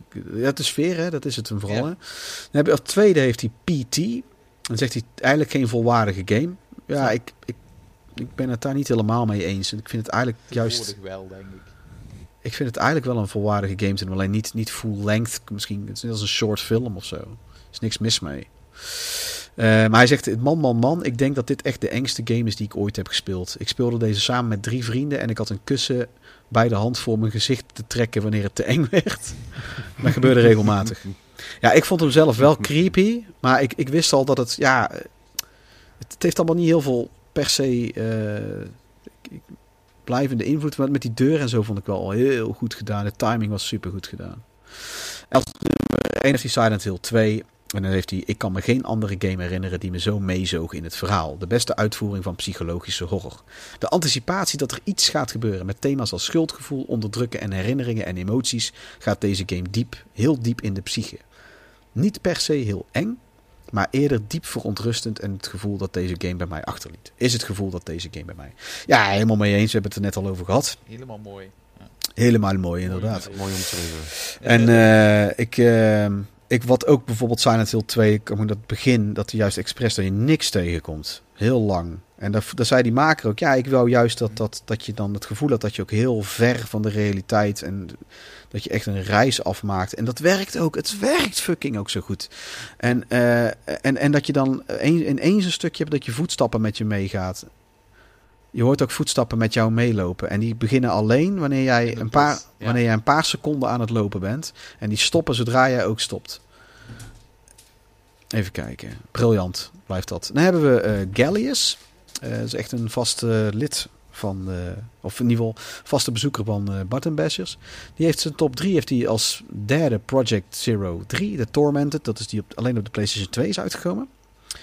Hier heeft hij, ik heb veel horror games gespeeld, maar de manier waarop deze onder de huid kruipt moet alleen zijn meerdere erkennen in Silent Hill 2. Het spel kent een soort dag- en nachtcyclus waarin je overdag door het appartement van de hoofdpersonage loopt en s'nachts als je gaat slapen betreed je de nachtmerriewereld van The Manor of Sleep. Aanvankelijk zijn deze twee delen strikt gescheiden, maar de manier waarop ze de horror uit de droomwereld begint door te sijpelen is echt briljant en doet denken aan Silent Hill 4 The Room. Ja, dat vind ik trouwens ik, de engste Silent Hill op dit moment nog vind ik Silent Hill 4 The Room, denk ik. Wanneer je wat verder komt in de game, is die, dat, dat appartement is echt, echt verschrikkelijk. Doodeng, ja.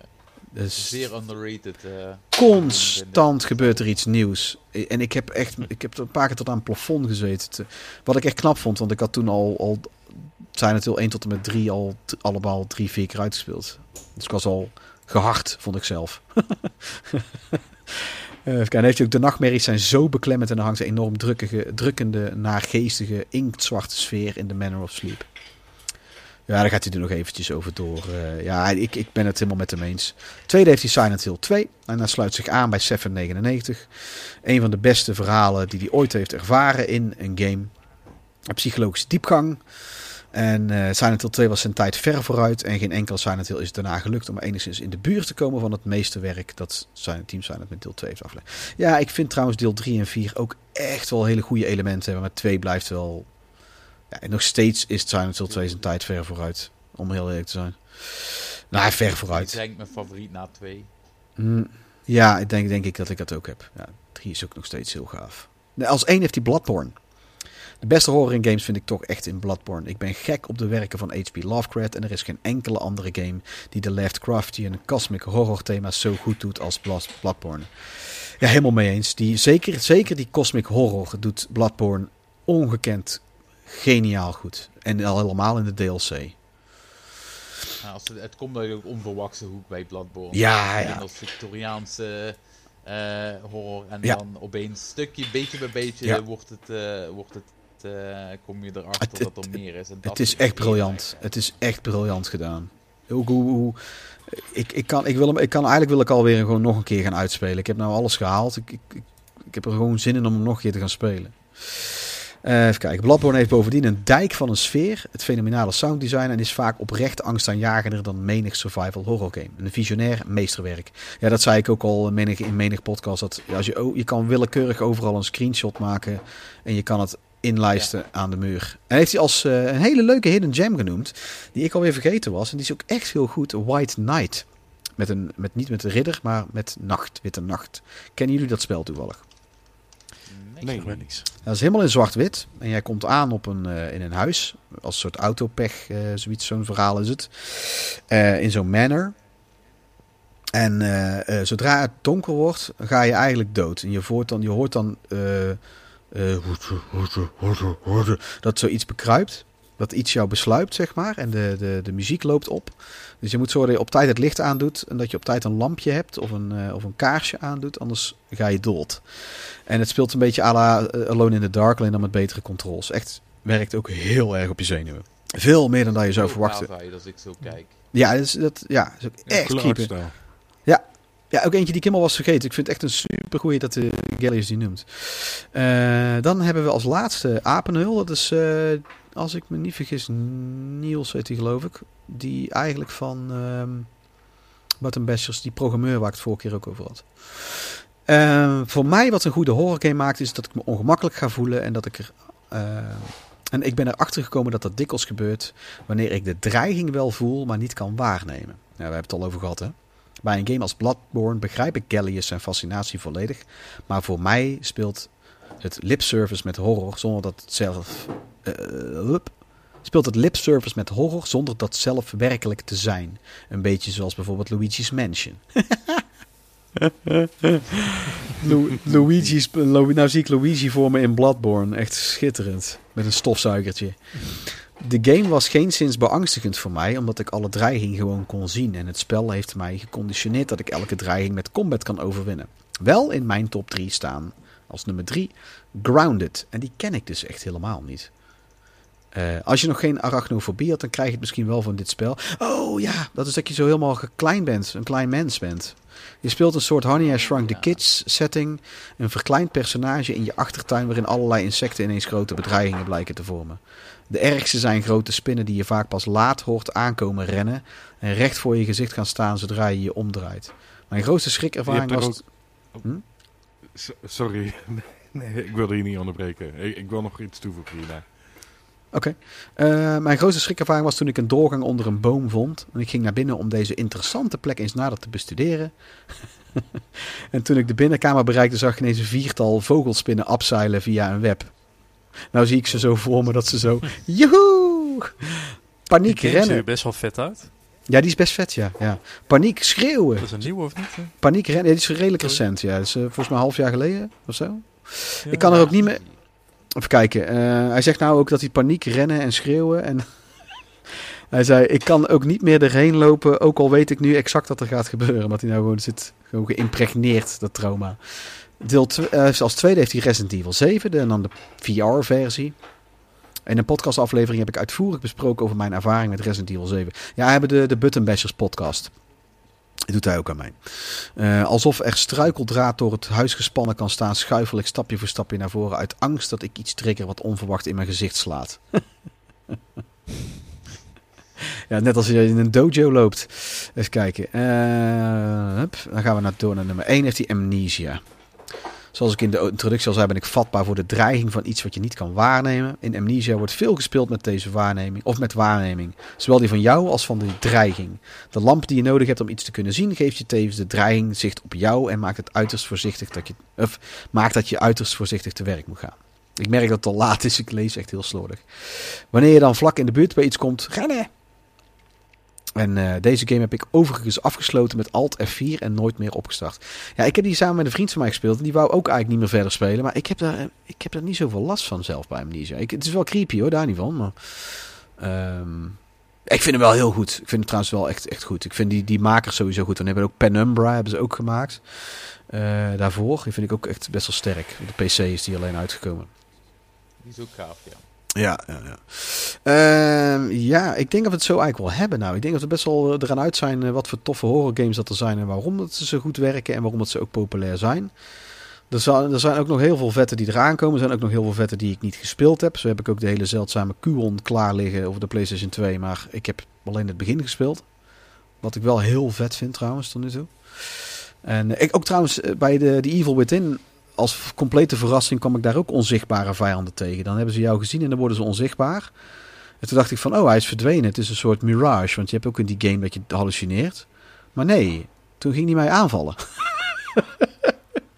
Dat was ook zo van, eh, oh fuck, dit, ik beeld me dit niet in, ik word nou doodgemaakt.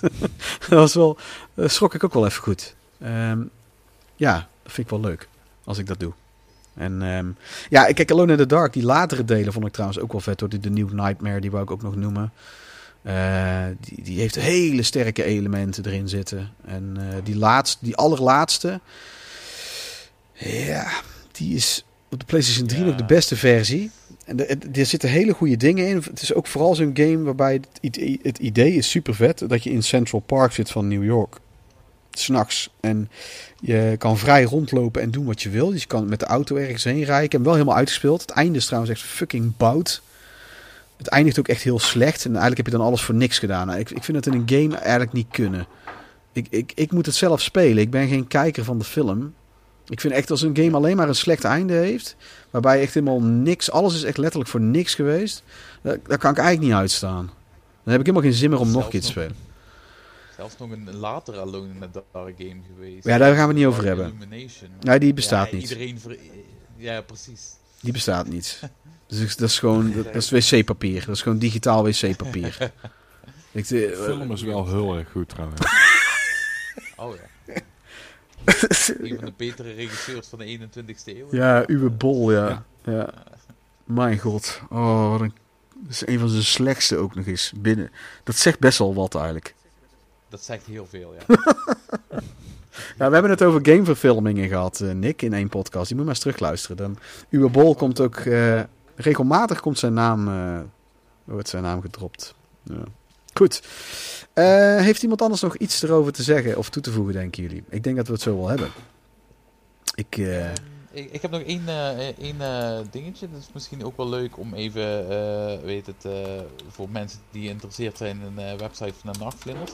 Ik, heb, eh, ik ben zelf heel erg fan van indie games. Dat klinkt een heel erg basale opmerking, maar eh, ik ben fan van ehm, kleinere projecten eh, die door kleinere studio's al dan niet enkele mensen zijn gemaakt. ja, ben ik mee. Ik heb ook. daar mijn, mijn top 5 favoriete underrated hidden gems indie horror games.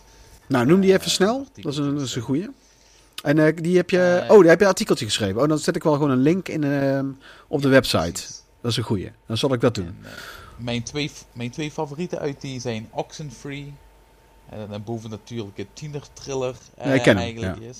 Ja. En Fran Bow, wat denk ik een van de, de beste indie point-and-click adventure games is die ik gespeeld heb. Dus dat is echt een hele toffe aanrader. Ja, die ken ik ook, ja. Die is- zijn heel gaaf, ja. Ja, je hebt ook nog zo eentje, daar kwam mijn zoontje mee aanzitten. Want Little Nightmares hebben we trouwens ook niet genoemd. Dat vond ik trouwens ook wel een hele goede... die vooral qua sfeer heel vet is. Maar dat is allemaal een beetje in datzelfde, ja. in diezelfde veen. Je hebt ook iets met Huppel de Pup, Mhm. Mr. Mr. Huppel de Pup's Playhouse. Ehm Mr. Hub's Playhouse is dat. Die is ook best wel leuk. Die is gewoon gratis te spelen op je, op je mobiel. Eh, maar dat moet, dat moet, want die worden allemaal genoemd in, in verlengde van Fran Bow en zo. Fran Bow is denk ik wel de, de, de betere van. eh. Maar die, die Mr. Mr. Hub's Playhouse is ook best wel leuk. Voor een simpele indie, kleine indie game. Ik had trouwens ook nog... ehm, even kijken, dan ga ik afronden. Mag ik Eh. nog met, eh, met één stukje horror eindigen? Ja, graag. Ik noem ik, een- noem ik een aantal titels. Eh, even kijken. Finding Nemo. Garfield. Asterix en Obelix bij de Britten. Despicable Me 2. Ja? Dat zijn alle films waarin eh Bo van Ervedorens dus een... eh, In de Nederlandstalige versie. een, st- een stem vertolkte. Ja, en hij deed, in Asterix en Obelix was die Julius Caesar. Oh mijn hemel nog aan toe. Nou ja, eh, dat, Ik wat kon me dat dat in één keer weer herinneren. Ik denk van, oh fuck, dat heb ik gewoon gezien. Ja. Nou, in wezen, kijk, laten we wel eerlijk zijn. Caesar wordt daar weggezet als een arrogante lul. Dus in, we- in wezen kan hij gewoon zichzelf spelen. Dus, of ga ik nou te ver? Ja, maar een arrogante lul of een, een korpsbal is nog wel een, eh, een wezenlijk verschil. Bij hem niet, denk ik. Maar ik ken hem, weet je, laten we eerlijk zijn, ik ken hem ook niet persoonlijk. Hè? Wie weet is het een super toffe peer. Misschien luistert hij wel naar de podcast. En zit elkaar het af te kraken. Dan sluit hij aan de volgende keer. Hij, nou, als hij serieus mee zou willen doen, dan mag hij van mij meedoen hoor. Dan mag hij ook, mag hij mij ook, mag hij ook rustig beargumenteren waarom hij heel goed was als Paddington. En dan, eh, dan eh, hij, mag, hij mag eerlijk zijn Dat weerwoord doen. vooral goed voor zijn bankrekening, denk ik. Nou, wat ik ook eh, goede survival horror, of nou ja, vooral echt horror vind, waar ik mee te maken heb gehad de afgelopen week, is een, eh, een bekend YouTube-fenomeen voor kinderen genaamd Blippy. Mensen die dat niet kennen, je kan jezelf gezegend zien. En je kan ook besluiten om jezelf, als je jezelf echt lekker wil tergen, flink jezelf wil martelen, als je daar om een of andere reden behoefte hebt. Blippy. B-L-I-P-P-I. Een echte Dat sowieso opzetten. een echte kindervriend.